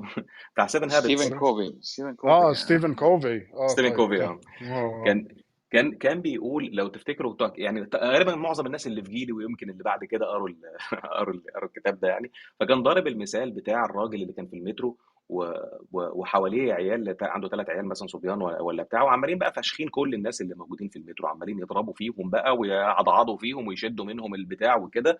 فقال لك أول ما بصيت قلت إيه ده الراجل إيه قلة الادب دوت؟ يعني سايب عياله عمالين طايحين كده مثلا وما وما وما ما حاولش مثلا يقول لهم حاجة ولا يزجرهم ولا ينهرهم ولا ولا أي حاجة لغاية ما راح يتكلم معاه. فقال له أنت عندك حق فعلا أنا غلطان في الموضوع ده بس هم لسه جايين حالا دلوقتي معايا من المستشفى وأمهم لسه ميتة دلوقتي في المستشفى. ففكرة ال- ال- ال- آه إن إن أنت في حاجات أنت أنت مش عارف أنت مش أنت مش عارف ال background عاملة إزاي. زي مثلا إيه إن أنا أسمع حد مثلا من الناس طالع مثلا في room يا وليد يا ولد كذا يا ولد تيت يا ولد كذا يا ولد كذا يعني بالمنظر ده بتاع فبدل يقول الحقير قليل الأدب السافل ده وبتاع. طب أنت يعني يعني أنت طب سألت الأول هو عمل كده ليه؟ يعني يعني جاب- يعني أنا ما عنديش مشاكل إنك أنت تنكر هذا الشيء لكن هل كان من ضمن الحاجات اللي أنت بتحطها في, في, في الاعتبار؟ مش عشان تبرر له مش علشان تبرر له عشان تبقى فاهم الصورة كلها. خدت بالك هو بيعمل كده ليه؟ يعني عرفت يعني ده نفس المثال اللي إحنا بنضربه مثلا حتى بعض ال- الناس اللي بيطلعوا إن هم يصدروا أو بيطلع يقول آه، كلام آه، يعني آه، قاسي شويتين. وأنا حتى بضرب ال- ال- الآية بتاعت سورة النساء لا يحب الله الجهر بالسوء من القول إلا من ظلم كان الله سبحانه عليم. فالفكرة إنه يعني أقرينا إنه يعني سوء سوء من القول. إحنا ده أقرينا بيه. طب أنت عرفت إيه- يعني عرفت السبب كان إيه؟ يعني ده علشان يفهمك الصورة كلها فيبقى الحكم بتاعك يعني إلى حد ما أوسع شوية من الزاوية الضيقة اللي أنت باصص فيها فإنك بتخش من نص الفيلم أو مش متابع الصورة كلها ده بيعمل لك ده بيعمل آه، آه، مشكلة. موضوع ال superiority والكلام ده وحتة إن أنا ده الموضوع الثاني اللي هو حتة إن أنا يعني أنت لما بتقول لي آه، تنوير ما إحنا إحنا اللي مضلمين ده بيفكرني بإيه لما كنت في قطر وقرروا إن هم يلغوا البنوك الإسلامية. عارف مثلا بنك مثلا زي QNB؟ مثلا كان بيبقى ليه فرع ال- آه، إسلامي وليه فرع تاني. فالناس كانوا بيتكلموا يقولوا يعني أنت إيه ليك فرع إسلامي يعني والفرع التاني ده فرع كافر مثلا؟ فأنا أفهم الكلام ده لو كان لو كان منطلق من مشكاة واحدة. يعني ممكن ربما يكون الموضوع يعني فاني شوية لكن it is ف فلما أجي أنا أقول لك مثلا إن إحنا إحنا بنتكلم هنا عن العلم. يعني إحنا أنا داخل مثلا كلية العلوم. أنا أنا خريج علوم القاهرة. فلما أقول إن أنا خريج علوم القاهرة هل معنى ده إن الكليات التانية كليات جهل؟ لا مش مش ده المقصود مش هي دي الفكرة آه، ال- الفكرة مش بالعنوان نفسه بل بالاحرى بالتفاصيل بتاعه الموضوع ده الفكرة كانت بتاعه التنوير وربما ده يعني ال- ال- ال- التصق فيه هذا ال- ال- ال- المصطلح بسبب النشاه بتاعته وان كان إحنا إحنا بنقول انه ال ال ال ال ال الاصل وال- والنشاه بتاعه الفكرة ليس لها اي آه، آه، يعني آه، جداره بالملكيه نفسها بتاعتها هو كان نشأ في الفترة بتاعة بقى بقى هيوم وكانت و ومش عارف إيه وال- وال- والناس دول في بتاعة إنه كان كل ما تيجي تفكر في أي حاجة يقول لك لأ استنى أنا هرسم لك ال guarding rails بتاعتك أنت ما تخرجش منها أنت روح وتعالى زي ما أنت عايز بالقطر كده لكن أنت مش هتعرف تخرج من بره ال guarding rails دي. أنا عندي الدين هو guarding rails أنا عندي الحكومة هي ال guarding rails عندي ال- ال- الملك أو الإمبراطور أو الأمير هم دول ال- ال rails بتاعتنا. أنت تتحرك براحتك بقى في جوه جوه ال boundaries اللي أنا راسمها لك دي على ال rails دي. ما تخرجش ما تخرجش براها. فولا كان فكرة فكرة التنوير إن الجوانب الأخرى اللي أنت ما خلتنيش أروحها هي بالنسبة لي مظلمة. هي بالنسبة لي مظلمة إن أنا مش شايفها. بالظبط زي ما كنا بنلعب StarCraft زمان كده وتبقى الخريطة قدامك سودة وأنت عمال بتتحرك فيها فتنور شوية واحدة واحدة واحدة واحدة. غير لما أقول لك لأ الحتة دي أنت مش هتروحها أصلا. أنت مش هتنفع تروح الحتة دي فبالنسبة لك هي مظلمة.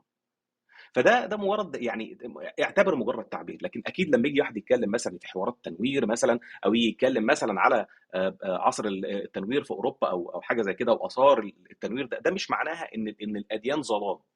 أكيد ما هواش معناها كده. كتير من فقهاء ال- ال- القانون وال- وال- والعلمانيين من ضمنهم ليو شتراوس نفسه. يعني ليو شتراوس ده كان راجل مؤصل علماني فشيخ جدا جدا ومع ذلك كان متشدد دينيا. ف ف فانا أنا مش شايف إن إن في إشكالية في الموضوع ده وأنا شايف إن في حساسية زيادة في التعامل مع المصطلحات أو التعريفات اللي كان ليها أصل تاريخي وبقيت على هذا الموضوع علشان بس ما يحصلش كونفيوجن عند الناس. يعني كان اسمها قبل كده التنوير أو الحركه التنوير. طب دلوقتي نسميها إيه؟ آه، يعني هنقعد بقى نخترع اسم تاني عشان نقعد نحسس على الناس عشان ما يزعلوش؟ فما ما أعتقدش إن إن هي تفهم بالطريقة دي. بس أنت مش شايف إنه في sense of superiority regardless إحنا بنسميه إيه؟ يعني انت مش شايف إنه sense of superiority ده موجود؟ أنا شايف إنه إن ال superiority اللي موجوده عند بعض الناس وال inferiority اللي موجوده عند ناس تانية دي ليها م- منشأ نفسي. بغض النظر عن أي حاجة. فأنت أنت عارف زي فكرة التطرف بالظبط إن أنت التطرف هي دي, دي ال engine اللي موجودة عند الشخص. بتدخل لها أي فكرة بتطلع لك ال version المتطرف بتاعها. فتدخل لها الفكرة بتاعه ال- ال- الكورة وال- وال- وال sports وال- وال- والحاجات دي فتطلع لك حاجة و40 واحد ميتين في بورسعيد. تدخل لها الفكرة بتاعه ال- ال- ال- المزيكا فتطلع لك الناس اللي هم بيعملوا دوشة. والحاجات الغريبة دي عشان مش عايز أقول بس أسامي ال- ال- ال lines عشان ما حدش يزعل. افتح عليها رومات بقى عدو ال- ال hard rock والحاجات دي. وهكذا يعني. يعني دايما كده ال- ال- ال- التطرف ده هو الخيار بتاعك في طريقه تطبيق الفكرة اللي انت متبنيها. دخل دخل لها مثلا الدين فطلع لك ال KKK ولا طلع لك الداعش ولا طلع لك ده ولا وهكذا بقى. دخل فيها السياسة فتشوف انت الحاجات اللي موجودة قدام حضرتك دلوقتي عندنا دي. لكن التطرف نفس الفكرة برضه ال superiority إن أنا كل ما خلاص اقتنعت بفكرة بقيت أنا أعظم ال- العظماء وأي واحد مش مقتنع بالفكرة بتاعتي دي فهو إنسان حقير جدا وتافه وجاهل. الكلام ده يم- يمشي مع مع ال- ال- المتدينين ال- ال- ال- اللي ربما في بعض النصوص بتاعتهم بيقول إن الآخر نجس وإن أنتوا الاعلاون ومش عارف إيه وبتاع أو بيمشي في بعض المتدينين الآخرين اللي شايف إن أنت تملح الأرض والباقيين لا تعطوا القدس للكلاب ولا ولا تلقوا قدام الخنازير واخد بالك؟ أو طبعا طبعا أبناء الله ال- المختارين وبتمشي كمان حتى في ال- في اللادينيين شايفين المتدينين دول مجرد جهله آه، ومجرد ناس حافظين ووارثين ومش عارف إيه وكلام من ده. أنت اللي بتختار. تمام معاك المايك يا أحمد عشان لو حد طيب. هسترسل مش هتخلصوا أنتوا النهارده. طيب آه أنا أول سؤال يا أحمد آه، أنت بتشوف كتير قوي آه، طبعا مش هقول جل- جلهم أو يعني عشان ما نبقاش مبالغين بس كتير قوي من اللادينيين العرب إحنا شايفين يعني يعني يعني آه بالذات في موضوع القضية الفلسطينية آه، للأسف الشديد موقفهم آه يعني يكون أقرب للصهيونية إذا ما كانش صهيونية أو أخضر كمان. أنت إيه رأيك في الموضوع ده؟ وموقفك الشخصي مثلا لو عايز تعبر عنه ده أول حاجة. تاني حاجة موقف اللادينيين مش عايز أقول عشان ما ببالغش أقول كلهم لأ أكيد مش كلهم. آه، بالذات إن هم مثلا لو هم بيدع- بيدعوا انهم أو هم يعني بيزعموا أو هم فعلا كده أقلية مضطهدة. اللادينيين العرب بالتحديد. طب أنت أنت راجل آه، من أقلية مضطهدة إزاي يعني أنت بتدعم واحد مستبد مستعمر مستوطن آه، إمبريالي وفي نفس الوقت أنت بت- بتعتبر نفسك مضطهد؟ إزاي يعني في نوع كده بتحس فيه كده نوع من ال... ال... آه، مش عايز أقول مش عايز أقول كلمة قاسية بس بحس إنها دايما الموضوع ده مع اللادينيين يعني بنسمع خطابات اللادينيين العرب بصراحة للأسف الشديد خطاب مؤسف جدا جدا وتحس إن هم يعني self hating Arabs مثلا أو عندهم اسلاموفوبيا بطريقة مش طبيعية. فأنت شايف الموضوع ده إزاي؟ ثلاث نقط بسرعة يا عم البيدي وأنت مصري. ماشي؟ ما بتشوفش خطابات مشابهة للي انت بتتكلم عليها ديت من مصريين مسلمين بيطلعوا في الإعلام عندنا في مصر؟ للأسف آه. كويس. النقطة الأولانية خلصنا منها. نيجي عند ال... نيجي عند النقطة الثانية النقطة الثانية اللي هي عارف عارف ال- اللاديني اللي ما بياكلش حلاوة المولد عشان اسمها حلاوة المولد؟ لا ما اعرفوش بصراحة. بس يعني ده ده لاديني لاديني purist ده. أو اورثودوكسي أنت هتضحك لو قلت لك إن أنا يعني إن أنا شفت الكلام ده على الطبيعة يعني على الأرض يعني. فدي فدي النقطة الثانية نيجي للنقطه الثالثه بقى. أنا موقفي من من القضية دي مش بس معلن ده أنا يعني جت عليا فترة كنت بقوله كل يوم ثلاث مرات بعد الأكل. يا عم الحاج خش على جوجل سيدنا جوجل كلية العلم وخش اكتب اكتب عليه United Nation Resolutions Concerning Israel. وقابل وقعد بقى قابل وقعد يا برنس. مئات القرارات الرسمية من الأمم المتحدة الكافرة تمام؟ الإدانات اللي حصلت طبعا هي كلها ما بين ما بين إدانات خفيفة كده مثلا على مثلا حادثة في مستوطنه مش عارف إيه وبتاع وإدانات ضخمة جدا جدا. وطبعا القرارات اللي هي تخللت بقى إيه حرب الست أيام حرب 67 ويوم كابور ومش عارف إيه 73 وبتاع وال- وال- والحاجات دي. لكن هتلاقي منهم مثلا يعني 30 40 حاجة على المجازر اللي عملت اللي عملها النظام الإسرائيلي. فهذا النظام أي حد متخيل ان ان اللي هو عمله ده كويس وإن هو ما ما, ما عندوش ما عندوش أي مشاكل ولا ولا عليه أي غلطة ده ده مش بس بي يعني يعني بي بيخالف ال ال ال الإنسانية وبيخالف المنطق وبيخالف ال- الأديان وبيخالف ال- الحاجات ده, ده كمان بيخالف حتى إجماع الكفرة اللي هم ال UN United Nations كفرة نفسهم بيخالف إجماع الكفرة نفسهم انت مع مين؟ أنت مش مع أي حد خالص ولا مع ولا في اتجاه الإنسانية ولا أنت في اتجاه يعني الدين ولا أنت في اتجاه الناس اللي هم الم- المحايدين اليونايتد ولا أي حاجة خالص وأنت بناء على إيه؟ فأنا طبعا الموضوع ده ما ما فيش في ما فيهوش عندي نقاش يعني ده نظام إجرامي أجرم على مر السنين في خلال ال 70 سنه اللي فاتوا دول. ويمكن حتى من قبل كده أنا فاكر إن أول قرار أصلا كان من الحكومة البريطانية نفسها اللي أعتقد كان كانت 47 اللي قال إن لازم تبقى في ثلاث دول أو تبقى دولتين ونص تبقى في دولة لل- لل- لليهود ودولة للفلسطينيين وتكون ال- ال- القدس مدينة دولية. أعتقد إن ده كان أول قرار حصل من من من بعد ال ال ال الأزمة و- وده كان من من بريطانيا قبل الأمم المتحدة أصلا. قبل الامم المتحده ما تبقى تبقى موجودة ويبقى ليها كيان بالمنظر ده. في آه، آه، آه، جرائم إنسانية حصلت وجرائم حرب حصلت آه لن يغفرها التاريخ ومش هتتصلح بالتقادم ولابد يدفع ثمنها خليني أضيف على ده كمان نفس الكلام على دول أوروبا اللي ليها تاريخ استعماري والتي لم تتنصل منه أو تحاول إن هي يعني تستجدي غفران الشعوب لغاية دلوقتي. أنا عارف إن فرنسا already عملت الكلام ده. أمريكا already عملت الكلام دوت واللي عايش في أمريكا عارف الامتيازات اللي بي- اللي بياخدوها ال- ال- ال- المواطنين الأصليين أو الناس اللي كانوا موجودين قبل قبل الأمريكان اللي موجودين دلوقتي. بقية الدول بس لو البرتغال أنا مش عارف مش متابع بصراحة أنا ما وريت ما, جريتش وراهم. وشفت هل مثلا هل مثلا البرتغال دفعت مثلا تعويضات لموزمبيق ولا لأ؟ دفعت ت- تعويضات ل... ب... اسمها إيه ال... أنجولا ولا لأ؟ واخد بالك؟ شرحه برضه بالنسبة لألمانيا. شرحه برضه بالنسبة لبريطانيا أنا مش متابع الحاجات دي بس أنا عارف إن في نموذج ما حصل. ما ينطبق على النظام الإسرائيلي ينطبق أيضا على هؤلاء الدول عشان ما حدش يفتكر بس آه وأمريكا وأوروبا وبتاع. لا أنا هنا ما فيش الموضوع ما بينقسمش عندي بالنسبة للشعب الشعب أنا شايف إنه لا شأن له وأنا مش هخش في الخناقات بتاعت لا ما هو الشعب كلهم في الجيش والتجنيد إجباري من على العيال الصغيرة والبنات والولاد والشايب وال- والكومي وال- أنا ماليش بالقصة دي. أنا بتكلم على أنظمة خدت قرارات تسببت في اللي حصل ده. أنا ما بتكلمش على الشعب وهل ده كان أصلا في الجيش ولا ما كانش في الجيش ولا ده كان مجند احتياطي ولا لأ ماليش دعوة بالقصة دي خالص. أنا بتكلم على أنظمة ده اللي ثابت قدامي وده اللي مش ثابت عندي بس ده اللي ثابت عند كل الناس واللي ثابت حتى بالامم المتحدة. ذات سد على الجانب الآخر هل ده مبرر للمقاومة؟ طبعا مبرر للمقاومة. أنا ما عنديش مشكلة خالص إن هو يكون مبرر للمقاومة. ولكن دايما الشيطان بيكمن في التفاصيل. ودايما تعقيد أي تجربة بشرية ايا كانت بت بت بتخلي الحكم ضبابي جدا على المشهد. يعني مثلا هل هل هل اللي حصل يبرر مثلا ان أنا أروح اقتل مثلا ستات واطفال من ايا كانت مين المنظمة اللي هي بت- بتحاول إن هي تعمل كده أو بتدعي إن هي في- المقاومة؟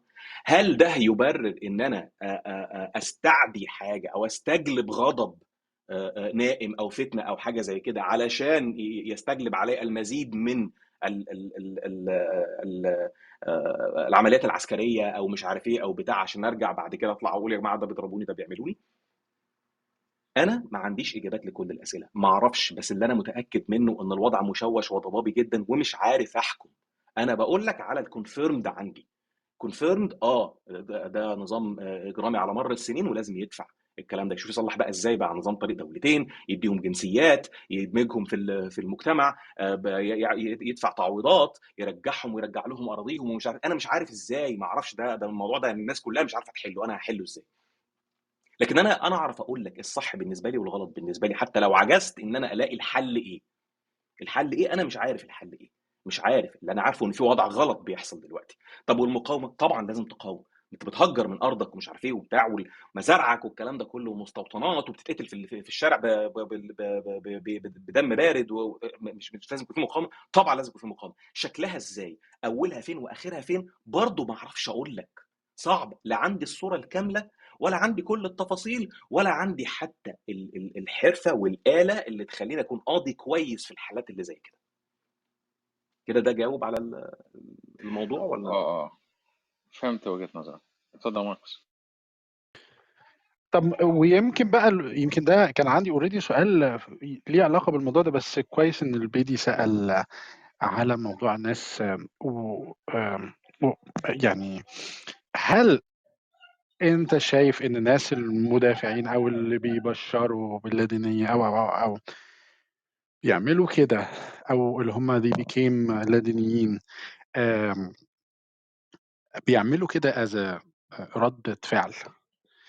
لأن أنا مثلا بشوف ردة فعل من ال majority اللي هو مثلا الأنظمة اللي بتقول على نفسها إنها أنظمة مثلا بتمثل الإسلام أو الأنظمة اللي مثلا الدينية اللي مثلا بتمثل الإسلام. آم، وده يمكن يكون له علاقة بإحساس ال superiority كمان ونفس النقطة اللي كان بيتكلم كان بيسأل عليها عمر. فهل أنت شايف إنه في آم، آم، معرفش يعني برضو ممكن برضو زي ما إحنا من أول الروم بنحاول نفكر تجاوب على المستوى الشخصي لو لو تحب والناس ال- ال- الآخرين ال- اللادينيين هل الموضوع في جزء كبير في جزء منه كبير أو صغير؟ رياكشن أو ردة فعل للأنظمة اللي الناس عايشين فيها إذا كانت أنظمة سياسية أنظمة آه، دينية آم، علشان هم يتحولوا إن هم يبقوا يبقوا يتحولوا إلى إن هم يكونوا آآ لا دينيين أو إن هم يكونوا بيدافعوا عن عن آآ اللادينية، فهل الموضوع هو reaction أكتر؟ آه أنت قلت الحتة دي بس أنا نسيت فعلا أجاوب عليها. عندك أنت عندك حق. أنا نسيت أجاوب على الجزئية دي. آه، في لادينيين كتير آه، آه، آه، لما بي- بيقرر إن هو يغير رأيه في الموضوع ده يعني لو كان هو مثلا متعاطف مثلا مع القضية الفلسطينية آه، أو مثلا متحامل على آه، أو بي- بيدين بي- بي- بي- بيدين مثلا النظام ال- ال- الإسرائيلي آه، وبعدين بقى لما بقى لاديني قرر إن هو لأ يعكس الموضوع لأ الإسرائيليين حلوين آه، مفيش آه، مفيش مشكلة عندهم وال- والفلسطينيين هم الغلطانين. وكل المقاومة دي كلها إرهاب وهم اللي الإرهابيين مثلا يعني. السبب في وجهة نظري وفي اللي شفته من اللي كان بيعمل كده لأن أنا شتمت كتير من اللادينيين بسبب بسبب الموضوع ده. ال- ال- اللي أنا شفته بسبب إنه كل مصدري ال- ال- ال- القضية دي صدروها كقضية دينية. فأنت بتقول إحنا إحنا حربنا مع اليهود كيهود من حيث أنهم يهود. وحربنا في في فلسطين عشان ربنا سبحانه وتعالى اللي قال آه، آه، الكلام ده في القرآن في سورة ال- ال- الإسراء والكلام ده في في الأحاديث إن إحنا هيبقى لنا حرب آخر العالم مع اليهود نفسهم.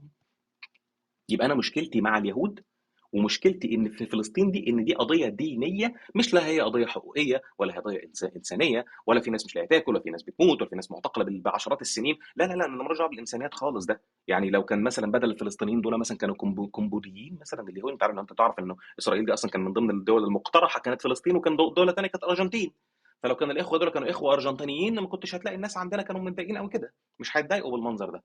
واخد بالك؟ انها مش قضية دينية any more هتبقى قضية إنسانية وإحنا عندنا بقى مشاكلنا بقى وهكذا يعني.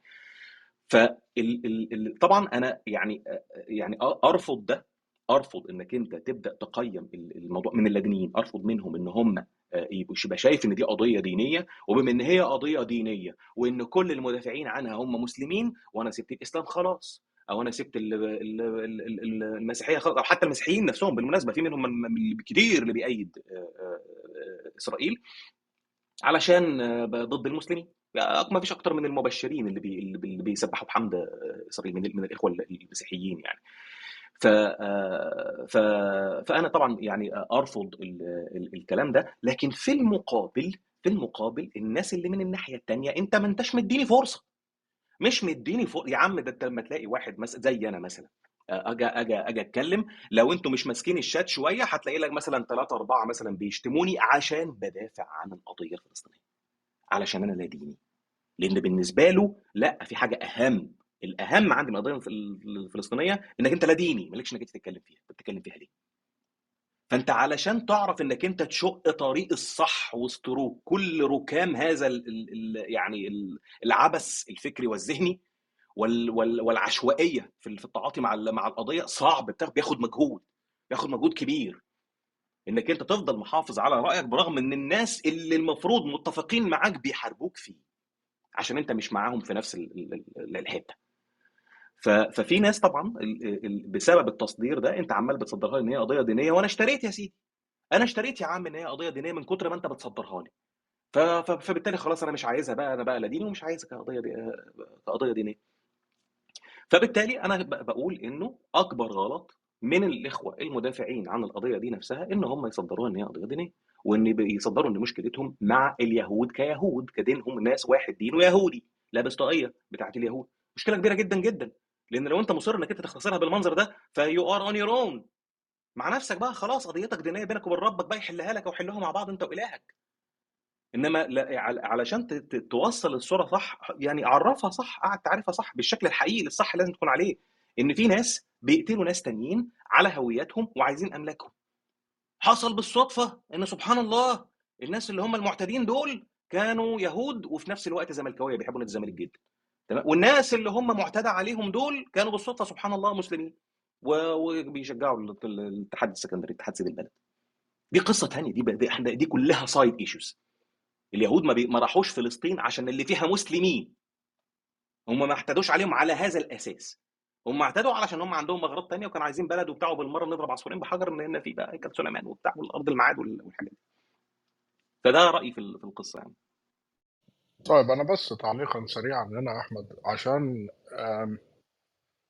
كواحد فلسطيني ممكن الكلام بتاعك يتاخد بطريقة غلط. أولا موضوع إنه القضية أنتوا مش زملكاوية يعني؟ مجرد بت... والله بتشجعوا الزمالك كل الفلسطينيين بيشجعوا الزمالك يا عم أنا بشجع سكة الحديد شخصيا. بس آه، بقول لك إنه موضوع إن أنتوا بتصدروا آه، القضية كقضية آه، دينية. انت هنا المجموعة اللي انت بتتكلم عليها دي مين؟ ويا معلم عمر هو انت ما كنتش معانا؟ انت كنت في الجامعة في مصر يا عمر؟ دخلت جامعة في مصر؟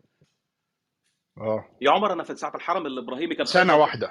كان سنة كان واحدة. خيبر. خيبر يا يهود جيش محمد سوف يعود أنا كنت معاهم في النص في ساعة الحرم الابراهيمي أيوه أيوه ما أنا بتكلم على المجموعة باصلها يعني أنت بتتكلم مع مع واحد هو هتيجي تقول له القضية دينية؟ هقول لك أيوه دينية. إنسانية؟ أيوه إنسانية. سياسية؟ أيوه سياسية. تاريخية؟ أيوه تاريخية. حقوقية؟ أيوه حقوقية. أنا بالنسبة لي القضية دي هي مسطرة الضمير بأي مدرسة جيت جيت منها. فأنا بقول لك لما لما أنت بتتفرج يعني في واحد آه، كريم في الأودينس برضه كان بيرد على الحتة دي. لما تشوف جورج حبش لما تشوف الفلسطينيين اللي بيصدروا الحاجات دي ولا أنت بتتكلم على المسلمين اللي بره؟ ولا أنت بتتكلم على المسلمين اللي بره؟ عشان في في وجهة نظر هنا يا أحمد ممكن نفصل فيها جامد. أنا بتكلم أنت بتدور على حاجة؟ احصائيا لا لا لا لا لا مش احصائيا. أنا بحاول أقول لك حاجة تانية خالص. أنا بحاول أقول لك إن أنت كمجموعة كمجموعة اللي أنت اللي أنا عشان كده ما كنتش عايز أسترسل معاك في الأول عشان ما أخدش ال room في حتة تانية لما إحنا اتكلمنا على المجموعة أو ال social group لما أنت كنت بتتكلم هل اللادينيين فئة وفي حد بيمثل اللادينيين؟ هو ال depends التعريف بتاعك لل sense of unity ال sense of unity بتاعك ده موديك فين؟ ال sense of unity مع الناس الفلسطينيين دول موديك فين؟ طب ما انت انت فعلا فعلا فعلا ممكن ت argue إنه لو في مواطن مصري أو مواطن أردني أو مواطن خليجي هو لا يؤمن بالدين ولا يؤمن بالقومية. وعنده الموضوع موضوع إنساني بحت. هو هيهتم بفلسطين بشكل خاص ليه؟ That's an argument. ما ده اللي- ما ده اللي إحنا ما ده اللي ده اللي أنا عمال لا، أنا عشان كده أنا بقول لك لك أنا بكتب فيه أنا مش بعارضك. أنا مش بعارضك. آه okay بقول لك okay. فصل فيه. okay. أنا عشان أنت الاثنين غلط. أنا ده اللي. بقوله. هحاول مم. افصل أنا عتابي على الاثنين على اللاد اللاديني اللي قرر إن هو ينسلخ من لو كان ليه موقف من قبل كده أصلا وغيره بسبب الدين. دي قصة ثانية تمام؟ لذلك أول نقطة ان أنا لما رديت على على البيدي أول نقطة قلت له ما فيش مسلمين بيطلعوا في الإعلام بيقولوا إن الفلسطينيين إرهابيين وإسرائيل حلوة؟ قال لي آه. خدت بالك؟ فأنا بتكلم على إن واحد كان مسلم وكان متضامن مع القضية وبعدين لما ساب الإسلام قرر إن هو ما يبقاش مع القضية وي- وي- ويشجع إسرائيل. ليه يا عم؟ قال لك دي قضية دينية. لأ أنت غلطان. دي ما هياش قضية دينية. انت غلطان زي بالظبط اللي هي كانت النقطة النقطة الثانية اللاديني اللي ما بياكلش حلاوة المولد. بالظبط كده. إيه ده حلاوة المولد؟ اللي هو مولد النبي اللي هو النبي بتاع الإسلام اللي أنا مش معترف بيه لا مش هاكل الحلاوه هي نفس الفكرة القضية مش دينية مالهاش دعوة بالدين. وأتوجه بالكلام لنفس الفئة الأخرى من المسلمين اللي شايفين إن القضية دينية. بقول له لأ عزيزي المسلم القضية مش دينية. ربما يكون فيها شق ديني ما عشان في مسجد الأقصى مش عارف إيه. ماشي okay. آه لا، القضية في الأصل ال- ال- ال- ال- ال- ال mainstream بتاعها ما هواش ديني. وبلاش تصدرها إن هي قضية دينية. آه. وال statement دي في حد ذاتها يا أحمد هي اللي بقول لك عليها برضو. يعني شكرا على التفصيل. وال statement اللي أنت قلتها دي برضو هتختلف من شخص لشخص على حسب الاعتقادات. يعني الستيتمنت اللي أنت قلتها دي يعني أنا عارف إنه في ناس دلوقتي هتبقى أنا شخصيا قلت لك أنا واقف فين. أنا بالنسبة لي القضية هي قضية متراكبه فيها كل الحاجات اللي أنت قلتها دي بكل أنواعها. دينية سياسية تاريخية حقوقية إنسانية سميها زي ما تسميها. أنا ما فيش مدرسة هتيجي غير لو كانت فاشية ديكتاتورية هي اللي هتبرر اللي بيحصل. ولكن أنا بقول لك إنه حتى اقولك إنه القضية دي آه، في الأصل مش دينية ده مش بالضروري هيبقى أنا أنا أنا I appreciate انه ده رأي أحمد سامي. ولكن في ناس كتير بالنسبة لهم لا القضية دينيه و, و, و, و يعني مش عايز استرسل كتير بس هو cause of the sense of unity. أنا لازم حاجة تربطني بالشعب ده. لازم في حاجة هتربطني بيه أكتر من بتربطني في المشاكل الإنسانية اللي موجودة في مكان تاني في العالم. يعني أنا لما باجي بتكلم في من الناحية الإنسانية البحتة أنت أصلا. عقلك لو بديت تبص في الكون مش هيعرف يستوعب إنه في واحد بيروح يشتري ايفون 14 ب 2000 دولار وهو عارف إنه في مجاعة في الصومال. يعني أنت لو جيت توزنها بال humanitarian humanism اعملها زي ما أنت عايز فهو هنا برأني باخد الحكاية على إيه؟ إنه إيه ال sense of unity مع الناس ال- الناس اللي بتتعذب ده؟ إيه ال sense of unity مع الناس اللي بتموت؟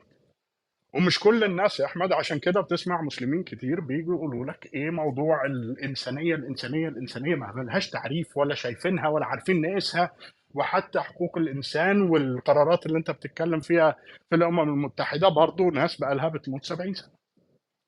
بس فعشان كده بقول لك حتى الستيتمنت بتاعتك بتاعت هي ليست دينية وما تصدرهاش على إنها دينية دي ال statement I appreciate إنه ده موقفك أنت. ولكن أنا ليا تفسير كذا تفسير ليه الناس ممكن تتبنى حاجة زي دي. وكملوا يا جدعان أنا آسف.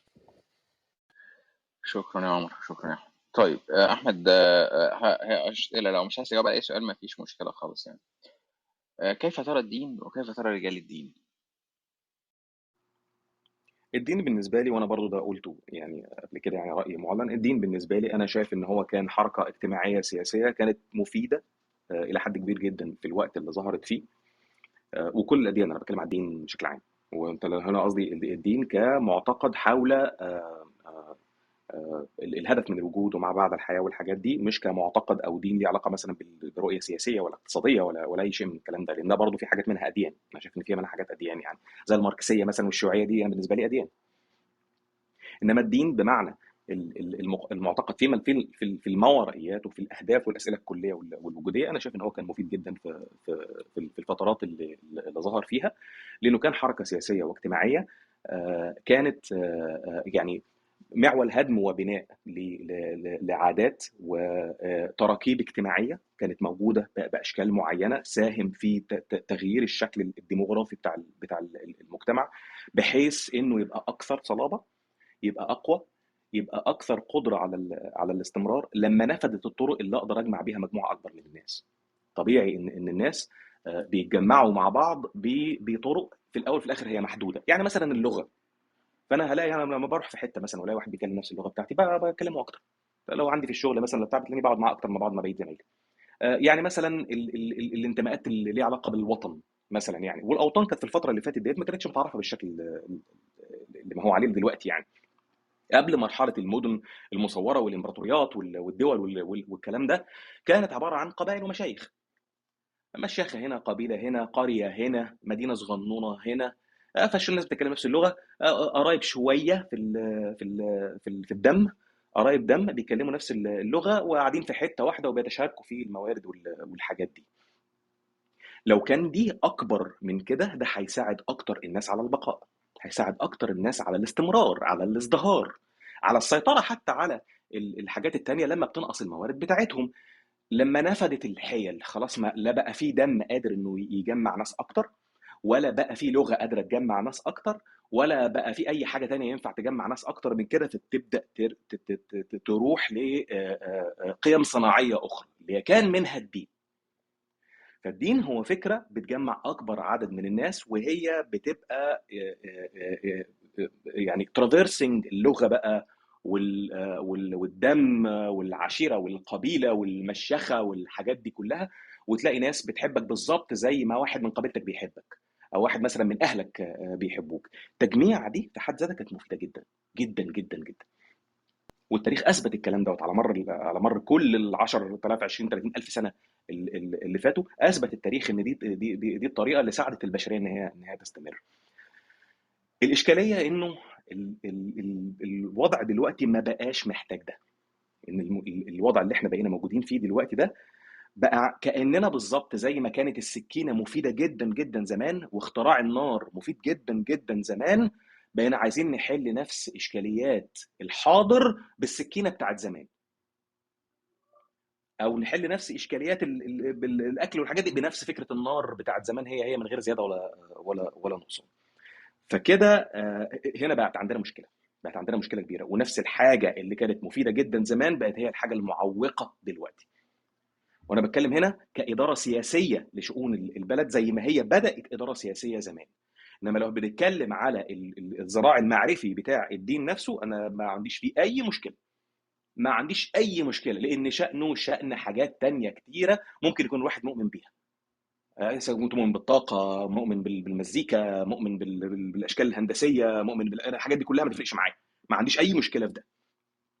إنما أول ما يطلع دراع سياسية لهذا الإيمان أو هذا ال- ال- المعتقد وتظن إنه مش مش بس هو اللي هيبقى فيه الصلاح لا أنت بتظن إن هو الحق المطلق وبتظن إن هو جاي من عند خلق ال- ال- الكون. هنا بقى هت- هتبقى عندي المشكلة. كان ينفع الحل ده زمان؟ لأن ما كانش في حلول أخرى وكان البشر ما يعرفوش حاجة أحسن من كده. فده رأيي في الدين. هو عمل منتج بشري كان مفيد في الأول حركة اجتماعية وسياسية إنما دلوقتي ما ما بقاش مفيد زي الأول. عندي رجال سؤال الدين عندي سؤال آه، بس قبل رجال الدين اتفضل يا أحمد. اتفضل.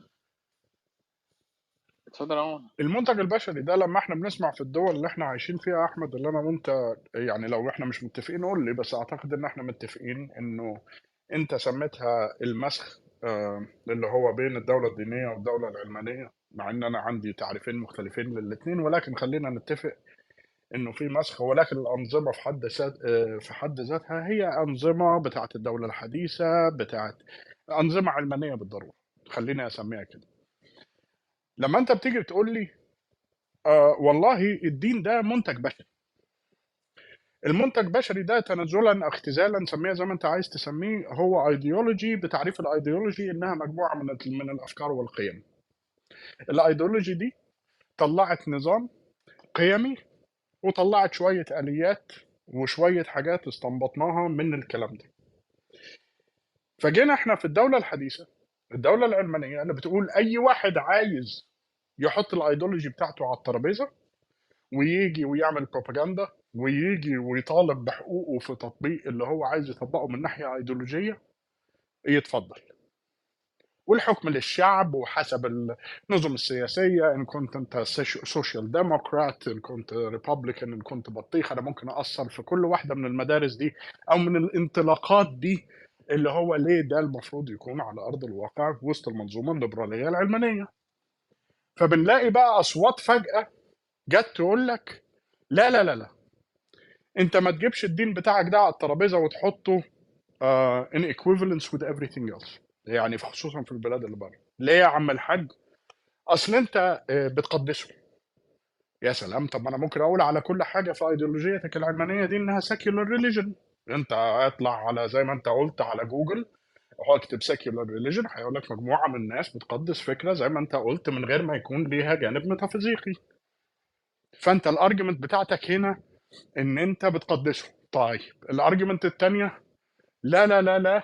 آه انت انت انت الكلام ده ما بيتماشاش مع الواقع. وهو من إمتى الأيديولوجية كان بيتحكم عليها بعمرها أو الادابتابيلتي بتاعتها غير لما تخضعها للتجربة في المدرسة بتاعتك في المدرسة بتاعت ال- ال- الدولة الحديثة دي؟ طيب هنيجي للتالت. أصلا أنت بتقول الكلام ده تراكم معرفي وعمل بشري و... وكل الكلام ده. وانت ليه عايز تشيل العمل البشري ده من على الترابيزة؟ فهل هي المشكلة مشكلة تقديس؟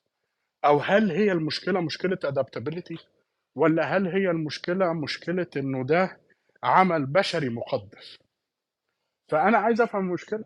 يعني إن أنت النظام اللي أنت بتنادي بيه أصلا بيقول بحاول اصل له هو جايب حتة شيل الدين من على الترابيزة دي منين؟ يعني أنا مش بقول لك أحمد شيل الدين من على الترابيزة إن أنا بقول لك أنت hard secular ولا soft secular ولا كل الكلام ده. أنا بتكلم كأيديولوجية موجودة على الترابيزة في البرلمان والتشريع والسياسة وكل الكلام ده. إحنا بنشيلها من مدرستك أنت. على أسس إيه؟ على أساس إيه؟ الناس اللي بتطالب إنه ما يكونش ليه تدخل عام طبعا ال- ال short answer هنا هي التقديس. وأنا بتكلم هنا التقديس التقديس كمرجعية التشريع. تقديس لمرجعيه التشريع.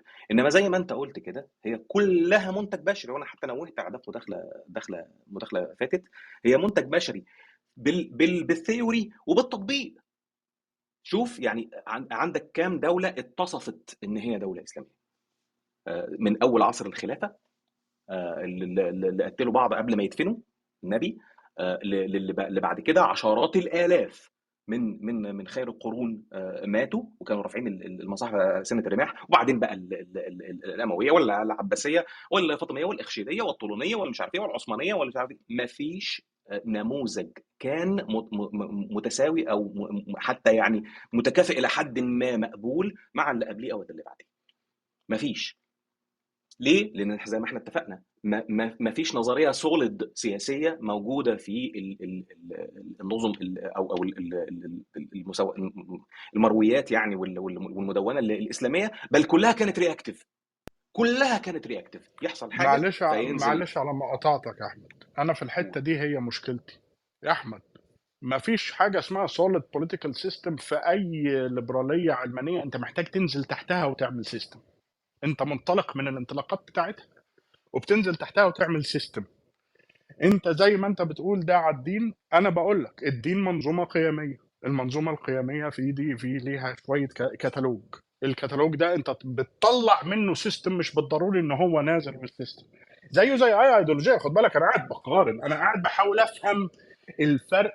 عشان انت لما تقول لي مثلا كلمة تقديس يا أحمد أنا هنزل معاك أقول لك يعني إيه تقديس؟ يعني ان يكون في أحكام ما فوق دستورية أصلا ما تعرفش تلعب فيها.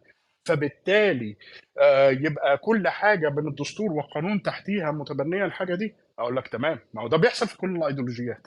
هتيجي تقول لي التقديس معناه إن أنت كل حاجة عارضة للنقد؟ أقول لك يا فندم تعالى أوريك كم example على أرض الواقع من أحكام ما فوق دستوريه مبنية على أيديولوجية ليبرالية. ما بتسمحش أصلا آه، بأي نقد. وهو ده اللي كنت بقول لك عليه لما تبص على المعنى بتاع secular religion. وأنت ال secular religion ده ما بتقدرش تعمل له نقد لأنه هم بالنسبة لهم الموضوع بقى مقدس وقد اتفقت البشرية على إن أحسن حاجة وصلنا ليها هو مفهوم الحقوق والحريات والعدالة اللي موجودة على أرض الواقع. فأنا بشكل منطقي ومن غير مشاعر وبحاول أتجرد معاك على قد ما أقدر وصلني للفرق.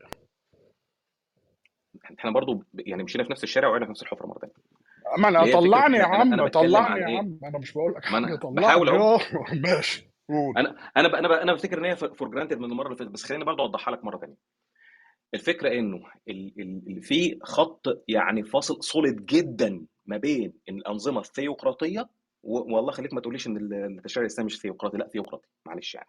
ماشي؟ وال- والأنظمة غير الثيوقراطية اللي هي من ضمنها الأوتوقراطية. واللي من ضمنها اللي ما أعرفش المهلبي واللي من ضمنها العلمانيه وهكذا.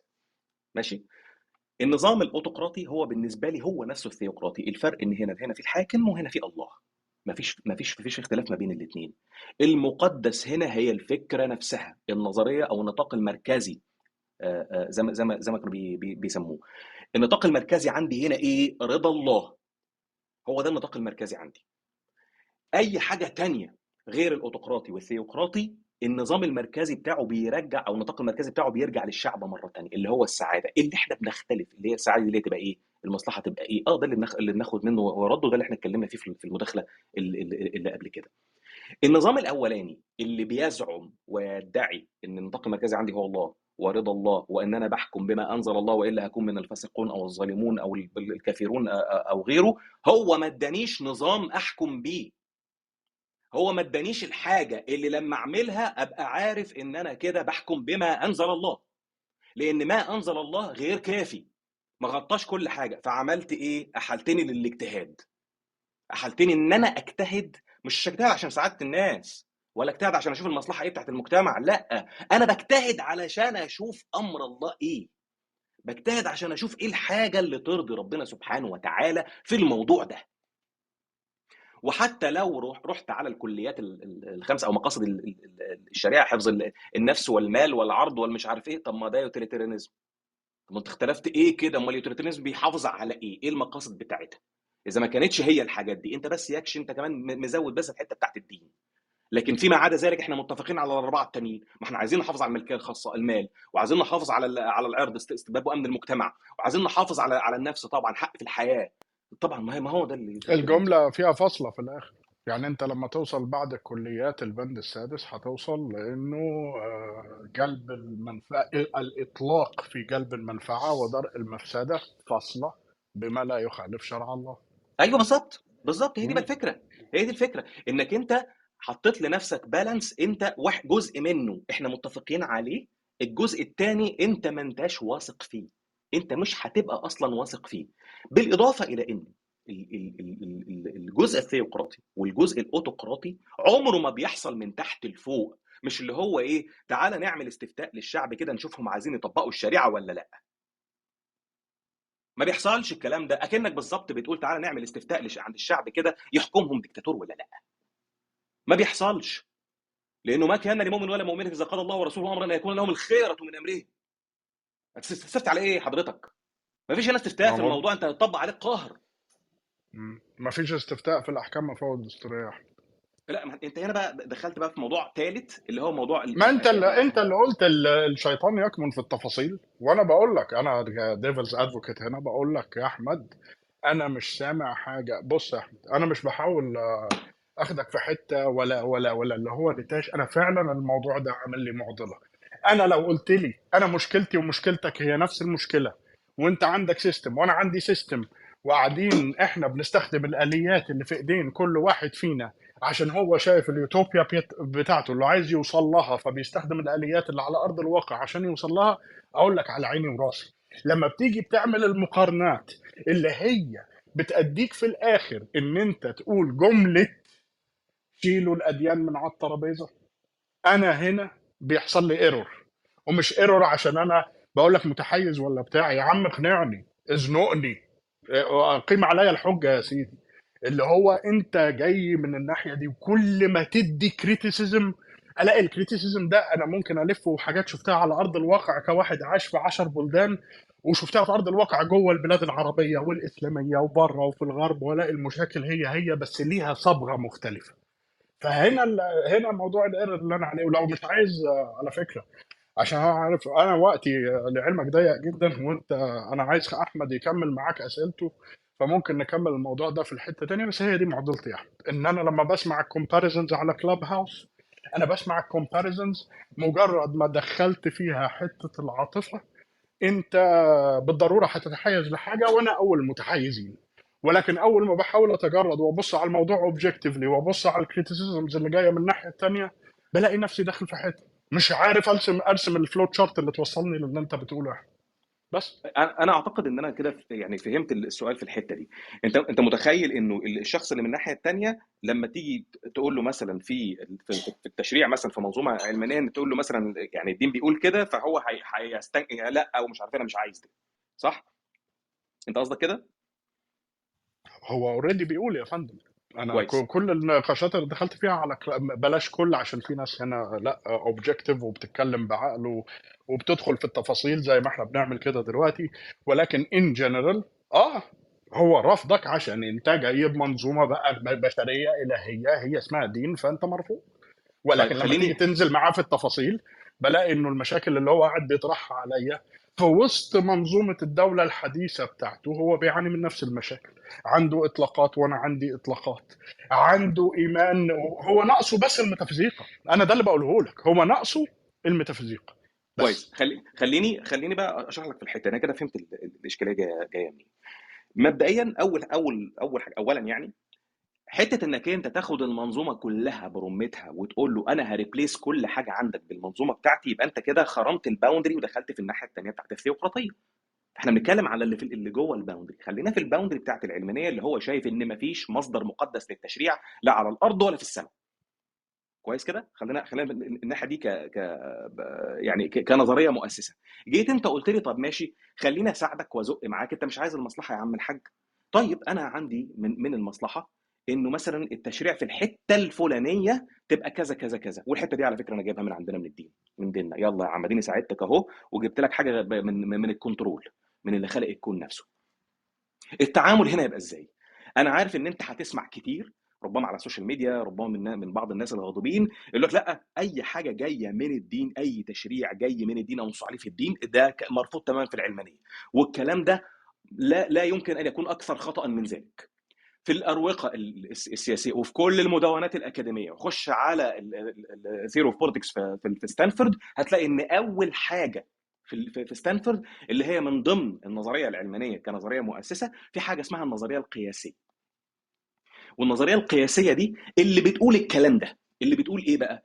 اللي بتقول آه إن المواطن آه يجب أن يمتنع عن التصويت بنعم أو بلا أو حتى طرح مشاريع قانون مقتبسة من الدين.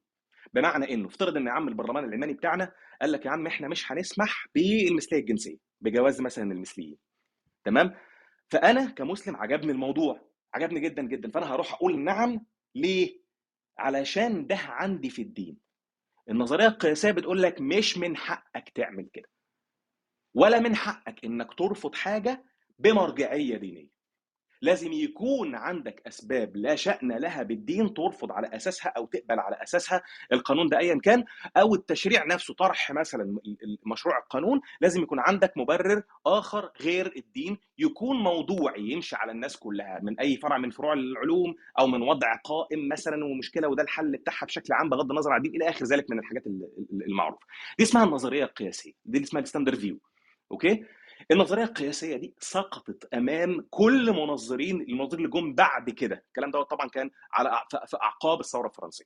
كل الناس الجداد هابرماس لارمار جون رولز ليو شتراوس الناس دول كلهم أسقطوا النظرية دي. قال لك لا مفيش الكلام ده. عادي جدا جدا إنك أنت لما يكون في تشريع اتعمل على أساس ديني قال لك أنا يا عم هطرح مشروع قانون إنه اللي بيسرق تتقطع إيديه.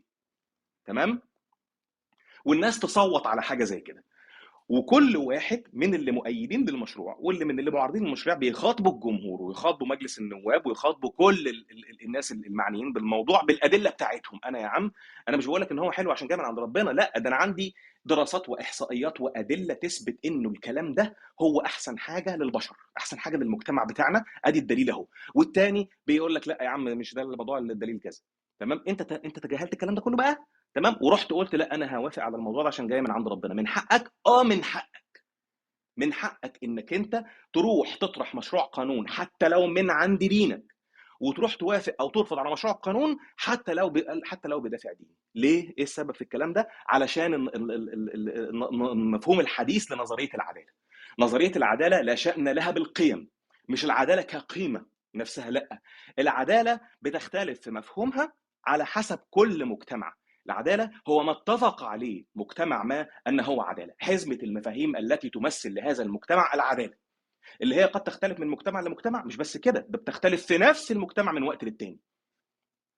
فبناء على النظرية دي اللي اتبنت عليها الفكرة المؤسسة بتاعت بتاعت العلمانية نفسها والموضوع الحق في الحياة والحرية والملكية الخاصة رفضت النظرية القياسية دي ومفيش مشاكل. لو المجتمع كله بيرتاح نفسيا للتشريع ده حتى لو جاي من عند الدين بيتعمل مفيش مشاكل.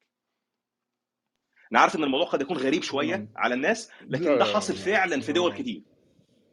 آه لا بس يعني المشكلة إن إحنا هندخل أنا عندي بص يا أحمد أنا ده اللي خايف منه. أنا ممكن تتقلب الروم نقاش أحمد وعمر بس وأنا عايز أدي المايك للبيدي ولكن تاني أنت يعني شكل ال definition بتاع ال theocratic rule بيني وبينك مختلف تماما. عشان عدم وجود المؤسسية دي مثلا في الإسلام.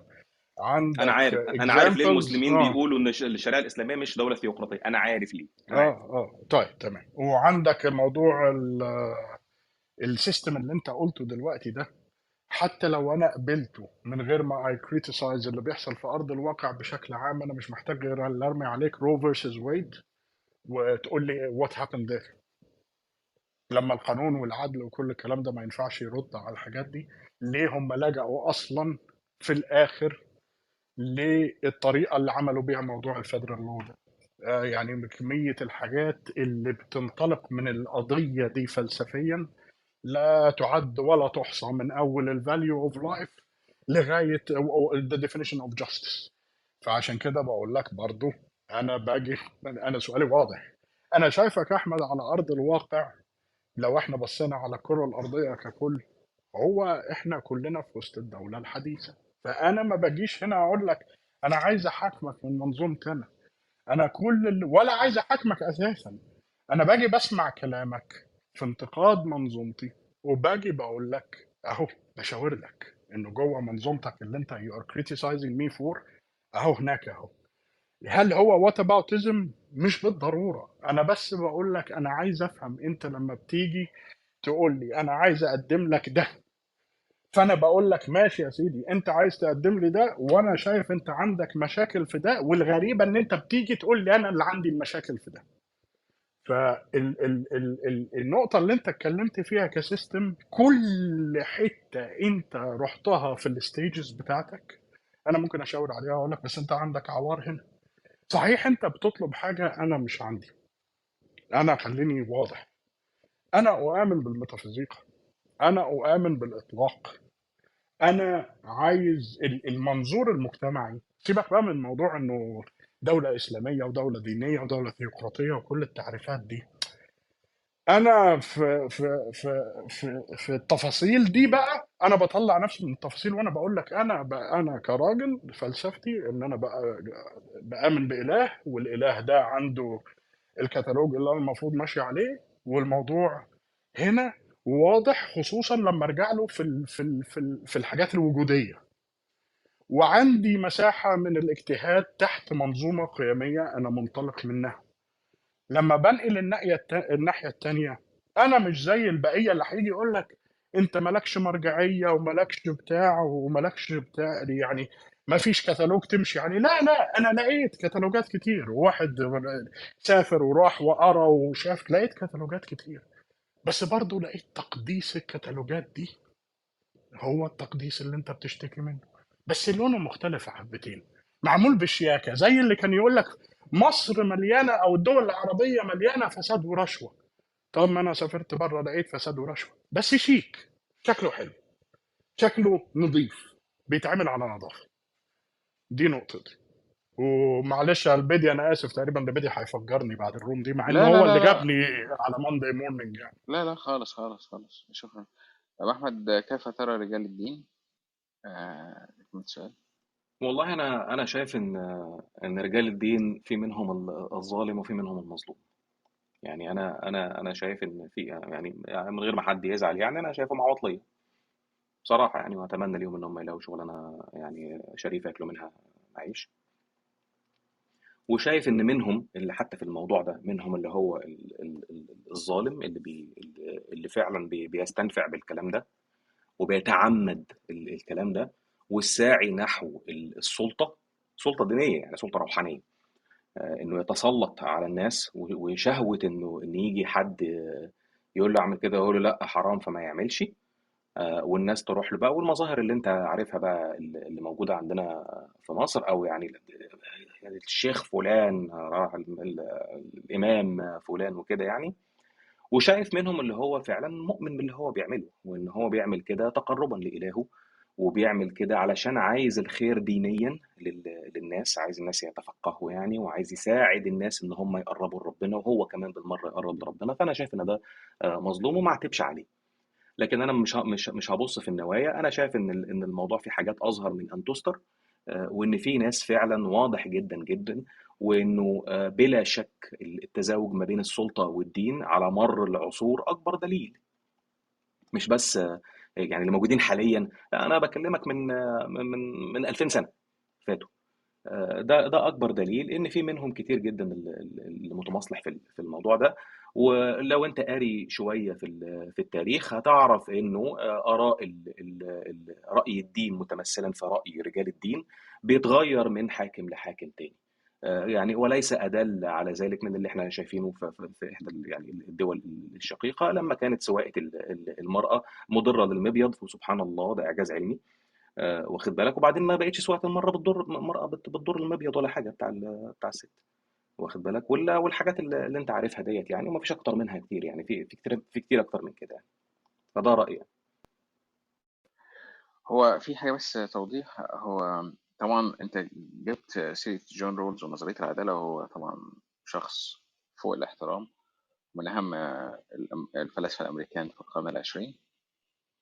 بس ليو شتراوس أنا عندي اعتراض عليه كبير قوي لأن هو هو ال- وأنا كمان. ال- المحافظين الجدد وكده فأنا آه آه. أنا وأنا كمان. ورأيه في المرأة ومش عارف إيه وبتاع الكلام ده كله أنا عارفه يعني. أنا أنا آه. أنا بتكلم بس في القصة الأكاديمية بتاعت الموضوع يعني. ماشي. آه، آه، وفي حاجة تانية النظرية أنت قلت إن الماركسية دين أو كده أنا بختلف معاك بس هو مش موضوعنا. هي نظرية نقدية بس ده مش موضوعنا. أنا هخش على السؤال اللي بعده.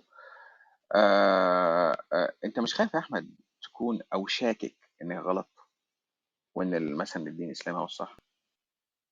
أنا شخصيا يعني آه، شك إن أنا أكون غلط؟ آه آه أنت شخصيا. آه طبعا. طبعا اللي أنا بقوله ده أكيد يحتمل الصواب والخطأ طبعا. بس هو ده الراجح عندي. وهل هل وارد إن يكون الدين الإسلامي ولا الدين المسيحي ولا الدين الهندوسي هو الصح؟ آه طبعا وارد. وارد. إيه المشكلة؟ وارد إن ده ما هو لو لا هو ده مش لو ده مش وارد أنا أنا أصلا أنا كل إشكاليتي أصلا مع اللي بيدعي أو يتوهم امتلاك الحياة المطلقة. أنا هي دي مشكلتي. لأن توهم امتلاك الحياة المطلقة ده بيحولك لبني آدم تاني. بيحولك لبني آدم بذرة كده برعم آه، إرهابي صغير. آه، ولو ولو ما قدرتش إن ما كانش عندك الأدوات والفرصة والمناسبه علشان تعمل حاجة على الأقل هتكره الناس على الأقل هتميز ما بينهم وتعنصر تعنصر عليهم. ما أنت اللي معاك الحقيقة والباقيين كلهم جهلة. ف... فأنا شايف إن يعني اللي أخطر من الجهل فعلا يعني الجهل مضر بلا شك يعني. اللي أخطر من الجهل هو توهم امتلاك الحياة المطلقة. طيب إيه كان ردة فعل الأهل والأصدقاء يا أحمد لما أنت صرحت إن أنت لا دين؟ والله كانت متباينة يعني أنا عايز أقول لك إن أصحابي زعلوا مني أكتر ما أهلي زعلوا مني. يعني أهلي في منهم اللي, اللي, اللي ولا كأن حاجة حصلت خالص ولا كأن أي ولا سألني في أي حاجة. ومنهم اللي سأل سؤال عابر آه، أنا استشعرت إنه على سبيل ال- ال- الاستفهام فعلا يعني سؤال استفهامي. يعني طب كذا طب أنت مش مثلا لما بتشوف كذا بتحس بكذا طب أنت ما بتحلمش بكذا ليه الأسئلة العادية يعني بتاعت بتاعت شخص ما هواش يعني ديديكيتد للملف ده أساسا يعني. آه و آه، يعني منهم من امتنع واللي واللي سأل السؤال ده. صحابي بقى هم اللي اللي خسرت منهم كتير بسبب الموضوع ده. هم اللي عندوني فعلا. وصحابي أنا بكلمك على صحابي صحاب طفولة يعني. آه، هم هم اللي خسرتهم بسبب الموضوع ده. طيب هل تعرضت للتهديد أو التكفير بسبب ارائك لا تكفير أنا هتكفر ليه أنا يعني يا دوبك لا دين يعني. كفروا لي إيه؟ أنا مرتد بس يعني مش مش كافر ولا حاجة يعني. من ناحية السؤال التهديد ده عمل لي ايرور أنا شخصيا يا احمد والله. مش عارف أنت بتسأل أسئلة لا غريبة التهديد بصراحة. التهديد التهديد التهديد مثلا. لا طبعا أنا أنا مش تهددت بس أنا أنا تعرضت للتهديد وتعرضت لتطبيق التهديد ده. أنا اتسجنت 35 يوم في فترة بسبب الموضوع ده. واتطردت من البلد واترفدت من شغلي. آه، وقعدت كده هائما على وجهي في في في حواري وأزقة آه، لندن آه، لمدة سنة. من 10 ل 10 آه، لا مش تهديد ولا حاجة. ما كانش تهديد خالص كان حقيقة. يعني آه ج- كام مكالمة كده إحنا هنعمل ونوريك ومش عارف إيه وبتاع والناس ما كانوش بيهددوا ده كانوا بيدوني يعني معلومة. ونفذوا الحقيقة غير بقى التهديد بالقتل بقى والكلام ده ومش عارف ده ده, ده عادي ده ده رسائل اللي هي بتيجي بتيجي من الناس ديت عادي من ال fake accounts دي عاديه خالص. هل في زيادة في عدد اللاجئين العرب؟ آه، طبعا أنا يعني أنا مش قائم على ال على ال الإحصائيات لكن أنا ممكن أقول لك مؤشرات. يعني آه، ليس أدل آه، آه، عليها من آه، تصريحات الناس اللي هم في ال- في الأزهر. كان أعتقد إن هو رئيس هيئة الفتوى أعتقد لما اتكلم على إحصائيات المكالمات اللي بتيجي وكمية الناس اللي بيتكلموا يشتكوا إن أولادهم باولاد دينيين وتصريحات طبعا ال- الأزهر بتتكلم عن الموضوع بقى ظاهرة ولازم إن هو يعني يعني نتصدى ليه ومش عارف إيه ونحاول نحط ايدينا في ايدين الكنيسة والكلام ده. ومشايخ تانيين كتير بقى يعني لو قلبت كده هتلاقي مشايخ تانيين كتير بيتكلموا في الموضوع. وأقربها كان عدنان إبراهيم لما كان قريب معانا هنا على كلاب هاوس وقال إن لما كان بيتكلم في موضوع الالحاد من زمان جدا جدا آه، وكان ناس آه، دعاة برضو مشايخ ودكاترة في ال- في ال- في المنطقة العربية كانوا بيستهتروا بال- بالموضوع لغاية ما كلموه هو شخصيا هم دول نفسهم كلموه قالوا لهم إن أولادنا بقوا دينيين دول مشايخ ودعاة. فما عنديش إحصائية ما عنديش أرقام. آه، في أرقام رسمية بره يعني مثلا في بريطانيا يعني مثلا آه، لو لو بتتكلم على التغيير الفكري أكتر ناس بتغير أفكارها مش بتكلم على الأعداد نفسها لأن في اعداد دي بتزيد اورجانيكلي عن طريق ال- الجواز والولادة والحاجات دي. لكن آه، آه، مين اللي بيغير من فكر لفكر؟ الأكتر آه، هم في اتجاه اللادينية. إحنا عندنا في في بلداننا من من الصعوبة من مكان إنك أنت تلاقي إحصائية رسمية يعتمد عليها في ال- في الموضوع ده غير الحاجات اللي هي بتطلع في التلفزيون فبيزيد أنا أظن إن هو بيزيد يعني. هل ممكن يا أحمد تخيل عالم من غير دين؟ لا مستحيل. قولا واحدا. مستحيل تتخيل أي عالم بدون دين أي دين. مستحيل. والأديان اللي موجودة دي مش هتروح. مش مش هتختفي.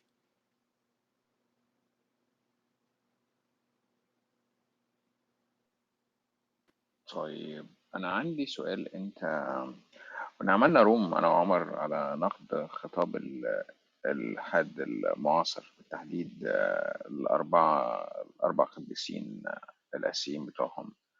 سواء سام هاريس أو ريتشارد دوكنز أو هيتشنز أو دينيت وحط معاهم مثلا ماجد نواز وممكن تجاوزا آن هيرسي علي أو مش تجاوزا يعني. آه المشكلة في فرق بين خطاب الإلحاد في القرن التسعتاشر اللي هو مثلا كان متأثر آه، بكتير أوي بالماركسية اللي هو بينتقد الأحوال يعني هو فعلا فعلا بيعمل على تحسين الأحوال الاقتصادية والاجتماعية اللي موجودة آه، كانت في الوقت ده اللي بعد الثورة الصناعية الظلم الاجتماعي والاقتصادي اللي كان واقع على الشعوب. لكن خطاب الإلحاد اللي موجود حاليا تحس إن هو يعني عمر يعني أشار لحاجة زي كده بصورة طبعا غير مباشرة. إنه خطاب استعلائي جدا يعني تلاقي تقول مثلا إيه يقول لك أصل ال- البوذيين بيقتلوا المسلمين في بورما أو ميانمار. الروهينجا بالتحديد. آه، أو مثلا آه، مثلا في الشرق الأوسط داعش آه، مش عارف إيه بتقتل كذا الأيزيديين مثلا. أو أو غيرها في العالم. بصوا على ال- بصوا على شوف آه، شرق أوروبا مثلا اللي حصل حروب البلقان ومش عارف إيه وشايف ال... بس هو بيتجاهل الأسباب المادية والاقتصادية والاجتماعية اللي أدت لحاجة زي كده. وخطاب استعلاء كأن ك- خطاب فوقي جدا من اللادينيين أنا بحس مش أنا بحس يعني هو الناس أو التعبير نفسه هم بتج... يعني بصراحة خطابهم هوياتي جدا. غير يعني أنا بح... يعني لما تدرس خطابات يعني الحاجات بتاعت ماركس أو إنجلز أو بليخانوف أو أو اللي هم في القرن التسعتاشر لأ. كانت هم هدفهم الرئيسي آه، رفع الحالة الاقتصادية والاجتماعية للناس. عشان المجتمع يكون أكثر سعادة مثلا. لكن حاليا لا أنت بتشوف الخطابات كلها استعلائية جدا جدا من بالذات من الأربعة ال ال الأربعة ال four saints بتوع ال new ال new يعني horsemen. Four horsemen. ال four هم horsemen مثلا. بلاش saint صح. فور هورسمان خطابهم استعلائي جدا وبيتجاهلوا الأسباب الاقتصادية والأسباب المادية اللي بتخلي الناس تعمل كده. أنت شايف الموضوع ده إزاي؟ يعني آه، خطاب الإلحاد القديم والجديد اللي موجود حاليا. انت انت انت قلت ال ال ال الكلمة المفتاحية في الموضوع آه، اللي هي فكرة ال ال ع- عناصر المجتمع والتفاعل معه والاشتباك مع مع ال- مع المحيط بشكل عام. في الأول وفي الآخر آه، قرار ال ال الإيمان ده قرار شخصي. أنا مقتنع تماما بده. وقرار عدم الإيمان هو كمان قرار شخصي. أنا مقتنع برضه تماما بده. فيعني أنا قررت إن في إله وإن الإله ده آه، هو الله وإن هو أرسل النبي وإن هو القرآن من عند الله ده قرار شخصي. أنا مش شايف عليه أي دلاله موضوعيه آه، وقرار آه، ال- ال- اللادينيه إنه يعني لأ الكلام ده كلام بشري ومش عارف إيه أو الإلحاد حتى إن لأ ما فيش إله وبتاع. أنا شايف برضه إن ده قرار شخصي وبرضه مش شايف أي أدلة موضوعية تتجه يعني يعني تنهض بيه. وبين الموضوع كله قرارات شخصية واختيارات شخصية. يبقى لا يسلم من الاشتباك مع المحيط. أكيد طريقة التطبيق بقى بتاعته تبقى عاملة إزاي؟ أنت لما عايز واحد مثلا عادي جدا قبل 2001 آه، والناس عمالة بتشتبك عادي جدا آه، في التلفزيون مثلا الأوروبي مثلا أو مثلا في المناظرات في اوكسفورد مثلا ولا ولا هنا ولا هنا كلام منتهى الاحترام والذوق والشياكة ومش عارف إيه وبتاع عادي جدا جدا. الراجل اللي هو أليكس أوكونر ده آه، كان عامل مناظرة مع الدكتور بتاعه اللي بيصحح له المادة في الفلسفة. عادي جدا مفيش مفيش أي مشكلة خالص. تحصل 2001 تحصل 9/11 وآلاف الناس يموتوا. وماتوا ليه؟ علشان الله. أنت يعني تعتقد يعني رد فعلهم بيبقى عامل إزاي؟ أنت بتشتبك مع المحيط. عايزهم برضو يعني يعني واحد يعني أنا أنا طالع أتكلم أهو مثلا. وثلاث أرباع الناس على على على يوتيوب آه، آه، طليقتي وصور بناتي ومش عارف إيه وهنهددك ونقتلك واسجنك ويا ابن ال- يا ابن وتهديد وبتاع واتصالات وكلام من ده هو أنا أنا ChatGPT ولا ولا روبوت صوفيا مثلا عايز نعمل إيه؟ أنا أتصرف إزاي؟ أنا يعني قبل ما أنا أكون لا ديني أنا لحم ودم أنا بشر رد فعلي هيبقى عامل إزاي؟ ولا أنا ما عنديش دم ما اشتبكش مع المحيط يعني بتاعي وال- والمعطيات والحاجات دي ولا أنا قاعد عمال بكتب مسج إن بطل وبرميها في في المية مثلا. بني آدم عادي زي زي أي حد. فلازم عادي جدا وأنا منفعل ال- الطريقة والأداة اللي هوصل بيها رأيي هتختلف باختلاف حالتي النفسية. يا راجل ده إحنا كان بيخش لنا دكتور في ال- في الجامعة بي- ما يكون متخانق مع مراته بيطلع 200 ابونا إحنا. عادي ما بالك في قضية بالمنظر ده وتهديد وبتاع واللي, واللي بيتسجن واللي بيتعمل واللي بتفتح بياناته واللي بيروحوا عند أهله في البيت والبنات اللي بيت... يعني عايز إيه يعني؟ طبيعي النتيجة النهائية تبقى شكلها عامل إزاي؟ عايز تكنترول النتيجة النهائية إزاي؟ برضه أنت داخل في نص الفيلم وجاي عايز في الآخر إيه ده أنت أنت ملحد مستعلي كده ليه؟ معلش أنا آسف أنت أصلك ما شفتش ما شفتش الفيلم من أوله ما عرفتش بس اللي حصل من أوله بس لكن لو لو شايف إن مفيش مبرر لحاجة زي كده أنا أتخيل مثلا يعني فعلا واحد من منشأه كان كده فده نشجب. أو نقول مثلا لأ الراجل ده غلطان. إن هو راجل قاعد مثلا في السويد وبتاع وآمن مطمئن في سربه ولا بتاع ولا تهديد ولا وبعدين قرر إن هو يسيب ال- ال- الدين ال- الكاثوليكي ويطلع يسب لهم بقى في في التلفزيون والبتاع وخطاب خطاب استعلائي. ماشي هو حر بس أنا مش شايف إن ده صح. مش مقتنع بيه مش مقتنع إن هو المفروض إن هو يعمل حاجة زي كده. ف... ف...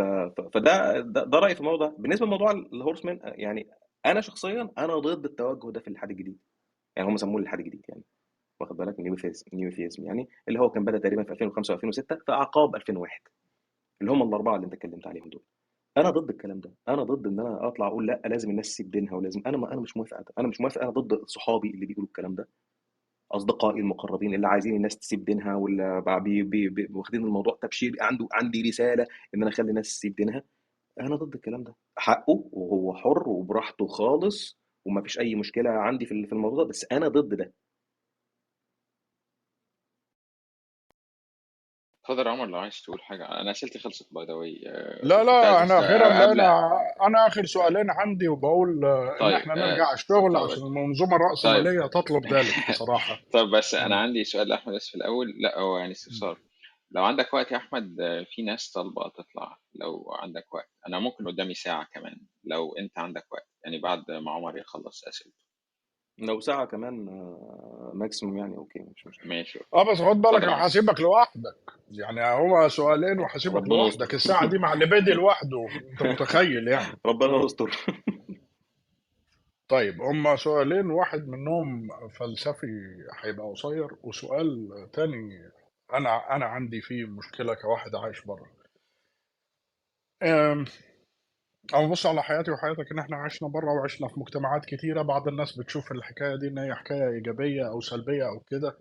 ولكن من الإيجابيات بتاعت الكلام ده إن إحنا اضطرينا نتعرض لمجتمعات تانية وفي أوقات كتيرة اضطرينا إن إحنا نقرأ ونعرف أصول الحاجات. حتى الأصول يعني إحنا عندنا في البلاد العربية كنا طالعين عارفين أصول الدين عارفين الشيوخ بتقول إيه عارفين الأزهر بيقول إيه عندنا كل واحد مع اختلاف ال level بتاعه في العلم الديني. لما طلعنا بره وتعرفنا بقى على ال social sciences وال economics وكل الكلام ده. نظرتك دلوقتي وانت قاعد بقى في أمريكا وقاعد بتبص على المثقفين العرب. يعني أنا مثلا لما أدخل أسمع إبراهيم عيسى أو أدخل أسمع خالد منتصر آه، ومش بالذات الاثنين دول أنا بس الاثنين دول اللي متصدرين قدامي يعني اللي بشوفهم على يوتيوب طول الوقت. حتى من الناحية التانية لما بسمع أحمد البحيري أو أسمع أي حد لما بيجوا يقولوا أو يعرفوا المعاريف التعاريف بت- بتاعة العلمانية قصدك قصدك اللي البحيري صح؟ لا أحمد البحيري. أحمد البحيري أه اليوتيوبر آه آه آه اليوتيوبر. أنا بقول لك أحيانا بسمع وببقى بسمع بسمع المصطلحات. قلت طب ما انت المصطلحات اللي انت بتقولها دي هي لا تعني هذا والمعلومات اللي انت بتقولها دي لا تعني هذا. ولكن لما بقعد مع الفانز من الناحيتين ألاقي هجوم شرس وانت هتعرف أكتر منه وانت قضيت حياتك في المواضيع دي أكتر منه. انت لما بتسمع لما بتبص باك آه، على على على موضوع اللي متصدرين دلوقتي في الإعلام العربي كمثقفين من أي ناحية كان انت لما بتسمع الكلام الغلط ده انت إيه رؤيتك للموضوع ده؟ أو شايف فيه إيه؟ أو انت انت بالنسبة لك الاكتراثي مش همك هم يهبدوا براحتهم. أنا أنا شايف ان أنا وجهة نظري أصلا ما اختلفتش كتير من بعد ما سافرت يعني. آه، أو بعد ما احتكيت بناس أو آه، بدأت اسمع أخبار مثلا حاجات زي كده. ما اختلفتش كتير لأن من قبل الكلام ده أنا كنت يعني حاولت إن أنا أقرأ يعني من من المصادر بتاعت الكلام ده وأتابع شوية. التطورات في في المساحات المساحات المختلفة دي يعني فيما يخص مثلا العلمانيه ومش عارف إيه الحاجات دي لو أنت قصدك آه، على كده يعني. آه، وشايف إنه آه، لسه تأثير الفقاعة موجود آه، عندنا. إنه آه، يعني أنت أنت موجود في بابل كده وعمال بتلقن حاجات وبتلقن المؤامرات الغربية على على الدين وبتاع والكلام ده. وأنت طول ما أنت موجود جوه البابل دي مش سامع أي حاجة خالص. ولما بتخرج بره البابل دي مثلا تسافر مثلا تروح بلد تانية أوروبا أمريكا بتاع أستراليا أي دولة آه، بيحصل عندك حاجة من اتنين يا إما إن إن إنك أنت تأثير الفقاعة بيزيد آه، وتحس إن كل اللي حواليك دي matrix آه، علشان يخفوا النوايا الحقيقية بتاعتهم كما لو كانوا هم مستنيينك وأول ما وصلت يعني بيظهروا حاولوا يظهروا وجههم الجميل ليك ويخفوا ويخبوا وجههم القبيح علشان كده. أو في نفس الوقت برضه بتبدأ بال attention bias إنك أنت تسيب كل حاجة حواليك وتبص مثلا على على واحد مثلا بيتحرش بواحدة في الشارع. مثلا شفت يا عم أنتم بتتحرش إزاي؟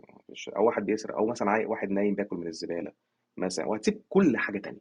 تسيب المنظومة والتاريخ والثقافة والعلم والمنتجات والاقتصاد والس... كل كل ده هتسيب. هتبص بس على الراجل اللي بياكل من الزبالة ده تحت الكوبري مثلا في في, في منهاتن مثلا في نيويورك أو في أي أو في أي حتة تانية في في العالم. فده ممكن يحصل. واللي ممكن يحصل تاني إنك أنت تبدأ شوية تفتح الشبابيك كده واخد بالك ل... ل- لرياح الحقيقة وتعرف إن أنت ما أنتش محور العالم إن ما حدش بيتامر عليك ولا ولا حاجة وإن الموضوع احتراب فكري عادي جدا جدا لما نختار إن يكون فيه احتراب فكري وإن ما فيش أي مؤامرة ولا حاجة أنت اللي فاشل عادي. وفي منك لا بس أنت تهت مني يا أحمد. أنا بتكلم على ال accuracy بتاعت المعلومات اللي متصدره ك mainstream آه، زي إيه؟ معلش. دقة البتاع لما تسمع واحد أنا مش هذكر أسماء عشان أنا عارف إنه في fans كتير لناس كتير هنا بس آه. لما تسمع واحد بيقول لك والصحابي الجليل عندما قال ويقول كلمة وتروح تدور على الكلمة دي جايبها منين تلاقي الصحابي الجليل ده الفارابي في كتاب الأغاني. آه. دي مشكلة. لما تلاقي واحد طالع بيقول لك ال- آه العلبة العل ال ال ال ال العلمانية هي كذا كذا كذا وبيدي تأصيل مثلا العلمانية بيحتوي الليبرالية والديمقراطية وكل حاجة تحتيها اللي هو طب أنت ما بتأصلش ليه؟ أنت ليه عايز تعمل البروباجندا دي؟ فهل ده لو هو في نطاق البروباجندا أنا بسألك ليه؟ عشان أنت لو جيت قلت لي ما هو ده في نطاق البروباجندا للأيديولوجية دي أو نطاق البروباجندا اللي هو متبعه وده مثلا يعني practice اجتماعي activity اجتماعي هو بيعمله عشان يزق البروباجندا بتاعته أقول لك ماشي. it's not accurate. ليا أنا it's not ethical. ولكن تمام. ولكن لما أشوف الكلام ده في كل النواحي أنا بقعد أسأل نفسي سؤال تاني. مع إن inaccuracy بتاعت ال information دي اللي هي زيها أنا بقارنها بموضوع ال fake news اللي موجود مثلا آه، في كل حتة. هو إحنا المفروض هنرتقي والمفروض نعمل objective reality و objective thinking و critical thinking إزاي لما المعلومات اللي في ال mainstream دي غلط؟ والناس اللي بتطلع هم المثقفين بتوع الوطن العربي. والله أنا أنا يعني الحتة الأولانية بتاعت يعني ما فهمتش أول حتة بتاعت الحديث آه، بتاع ال- الصحابة والكلام ده بس أنا ما فهمت الحتة التانية. يعني موضوع إنه إن الناس بتدي تعريفات غلط وبتاع آه ده طبعا أنت أنت هتشوفه لما لما تبدأ طب انت قاعد في الجامعة وعمال بتس- بت- بتعرف عن المؤامرات في الغرب وإزاي فرنسا بيقتلوا المحجبات في الشارع ومش عارف إيه وحاجات زي كده بعدين تروح مثلا بلد مثلا زي لندن آه، ولا ولا بتاع وتمشي في ايدج وير رود فتلاقي ما فيش ولا واحدة مش محجبة. ماشية في الشارع أصلا في ايدج وير رود مشهور جدا طبعا يعني. واخد بالك؟ وغيره برضه أنت تماشي كده يعني في شوارع آه ده مكان ده مكان الشيشة ده أنا عارفه كويس آه ده, ده الشارع بتاع العرب ده هناك يعني. أو إنك أنت تبقى ماشي مثلا في في, في اوكسفورد سيركس ولا بتاع وتحس إنك أنت في الدوحة. منقبات بقى وبتاع عادي عادي جدا ماشيين حواليك ومفيش أي مشكلة خالص. أو تمشي مثلا في بعض بعض الحواري هنخش يمين في شمال في يمين في شمال كده مثلا فتلاقي مثلا sign كده كبيرة كده قد الدنيا مكتوب فيها مثلا this is Islamic territory do not walk your dog here. مثلا واخد بالك؟ وهكذا ده ده, ده موجود يعني. هتلاقي ده موجود ده موجود ده موجود المؤامره مش في دماغك. حتى بالإضافة إلى إنه مثلا يعني ويست مينستر ويست مينستر يعني اللي هي فيها ايدج ايدج رود واللي فيها هايد بارك ومش عارف إيه وبتاع. العمدة بتاعها دلوقتي اللي هو الشاب المغربي الصغير ده حاجة و20 سنة شاب مغربي مسلم صغير واخد بالك؟ وهكذا بقى ورئيس الوزراء ومش عارف إيه بتاع وهكذا يعني. ف... فالحاجات ديت يعني بتستعمل أنت عارف في نظرية المؤامرة بتستعمل آه، ل آه، يعني الدليل اللي معاها يبقى معاها والدليل اللي ضدها يبقى معاها برضه. تمام؟ فيجي يقول لك مثلا آه ده راجل آه، آه، شاب مسلم ولا مش عارف إيه، ده عمره ما ركعها. مسلم إيه؟ ده إيه؟ ده بالاسم بس كده ده هو طول عمره مولود هناك ومش عارف إيه وبتاع ومعروف إن هو بيروح ال- الولا حمادة فيديو ومش عارف إيه وبتاع وبيروحوا يسكروا ويتفرجوا على أفلام 6 بالليل. ولا مسلم ولا نيه ده منظر بس كده عاملينه عشان عشان يضر الرماد في العيون. واخد بالك؟ يعني ال- الحاجات اللي بالمنظر دي هت- هتفضل تلاقيها لكن بتبدأ تحتك مع الناس مفيش الكلام ده خالص. مفيش خالص الكلام ده. لما تيجي تحتك مثلا في في موضوع مثلا التعيينات مثلا في ال multinational ولا مش عارف إيه وبتاع وتشوف الناس اللي كانوا معاك مثلا في ال shortlist وبتاع وتلاقيهم إن هم بيسيبوا مثلا ال white American ولا بتاع وياخدوك أنت. ما فيش الكلام ده. الكلام ده مش موجود. هل في pockets لحاجة زي كده؟ طبعا. هل في نظريات مؤامرة حتى جوه أمريكا نفسها؟ طبعا. أنا فاكر إن كان في إحصائية يعني فوق ال 40% من الأمريكان مصدقين بموضوع ال chemtrail وموضوع موضوع ال UFO وموضوع ال- ال- المؤامرات يعني الحاجات دي ما في امريكان هتلاقي كتير جدا مصدقين من حاجة زي مصدقين في حاجات زي كده. حاجات اللي مالهاش علاقة بالدين أكتر يعني لها علاقة بالمؤامرات الأخرى اللي بتحب الجرايد تشتغل تشتغل عليها. فده موجود وده موجود. أنت بس مجرد بشر آخر زيك زي زي الناس دول الأمريكان دول أو الناس ال- ال- ال- الروس اللي بي اللي بيصدقوا المؤامرات التانية وبتاع. بس أنت الحتة دي towards الدين أكتر. من والعلمانية والكلام ده ومحاربه العلمانية والحاجات دي ضد الكلام لكن في, الأول في الآخر الموضوع بسيط خالص. الموضوع الموضوع جدا جدا بسيط. في lobbies وفي pockets آه طبعا أكيد في أكيد في. لكن مش ال mainstream. أنا ما شفتش إن ده ال mainstream خالص يعني. ولا سمعت عنه ولا شفت أي حتى manifestation ما فيش أي حاجة عدو نفسك بس. ما فيش أي حاجة بتحصل خالص من بره. ولا حد بيمول حد عشان يحاربك ولا بتاع. وبعدين هيحارب إيه بالظبط؟ يعني إيه الحاجة اللي هيحاربها؟ الحاجة بالظبط اللي هي لا ال mainstream ال mainstream مش بالضروري يكون آه، آه، مش بالضروري يكون biased عشان التمويل هو ممكن يكون biased عشان ال... عشان مش مش هتطرق للسياسة ولكن عشان ال- السلطة في الدولة اللي هو فيها حاكم عليه بكده يعني مش ضروري كل ال content ال biased اللي بتشوفه يكون بسبب التمويل يعني. بس على العموم مش هندخل في الحتة دي هنخلينا بره عشان أنا ماليش ماليش في الحتة السياسية دي. أنا هسألك آخر سؤال يا أحمد و... آه، أنا مش عارف يعني أنا طبعا أشكر لبيدي إن هو خدني من المنظومة الرأسمالية الساعة 11 للساعة 1 أو- في يوم 2 الصبح وخلانا نقعد القعدة دي. ولكن آخر سؤال فلسفي حبتين. في فلسفي 101 قعدنا نزق الدكتور في يوم من الأيام نقول له قول لنا موضوع الاختلاف قول لنا موضوع المساطر. لما هنختلف فلسفيا هنوصل لفين فكانت الكلمة الشهيره بتاعته هقولها بالانجليزي وبعد كده بالعربي قال لك leaving everything that divides you aside leaving religion politics ethnicity and everything else aside if you get two human beings one that believes in the afterlife and one that doesn't they will never agree on the same goals or same um, آه، كان بيقول لك كان مسميها orders of magnitude أو حاجة كده يعني نفس ال measurement ruler أو نفس ال criteria that you're gonna evaluate what the outcome is gonna be and how it's gonna be brought by. يعني بالعربي حتى لو تركنا كل الأديان وكل السياسات وكل حاجة على جنب وإحنا جبنا بس نفرين واحد بيؤمن بالحياة بعد الموت ايا ما كان شكلها وواحد لا يؤمن بالحياة بعد الموت. دول الاثنين دول لا يمكن يتفقوا في المنطلقات ولا يمكن يتفقوا آه، في الآليات ولا الهدف ولا إن هم هيقيسوا الكلام ده أساسا إزاي. فدي بالنسبة لي أنا بقول آه تمام ما دي عندي معروفة إن صنعة الله الأرض في التدافع. ولكن لما أنت سمعت الجملة دي إنه الاختلاف هو الأساس في كل حاجة وإنه بالضرورة الاختلاف ده هيليد لحاجتين فلسفيا يا compensation يا إبادة. ما هو يا مش لما بقول لك إبادة مش معنى إبادة شعب أو إبادة ناس. أنا بقول لك إبادة الاختلاف في حد ذاته. فمن من صفاته مثلا إن أنت تشيل شنطتك وتمشي زي حالاتي كده. لما بتسمع الكلام ده أنت تعليقك عليه إيه؟ وشايف الدنيا دي باختلافاتها بصراعاتها بآخرتها بكل الصراعات اللي أنت شخصيا داخل فيها. انت بتفكر فيها فلسفيا إزاي؟ وده آخر سؤال عندي النهارده.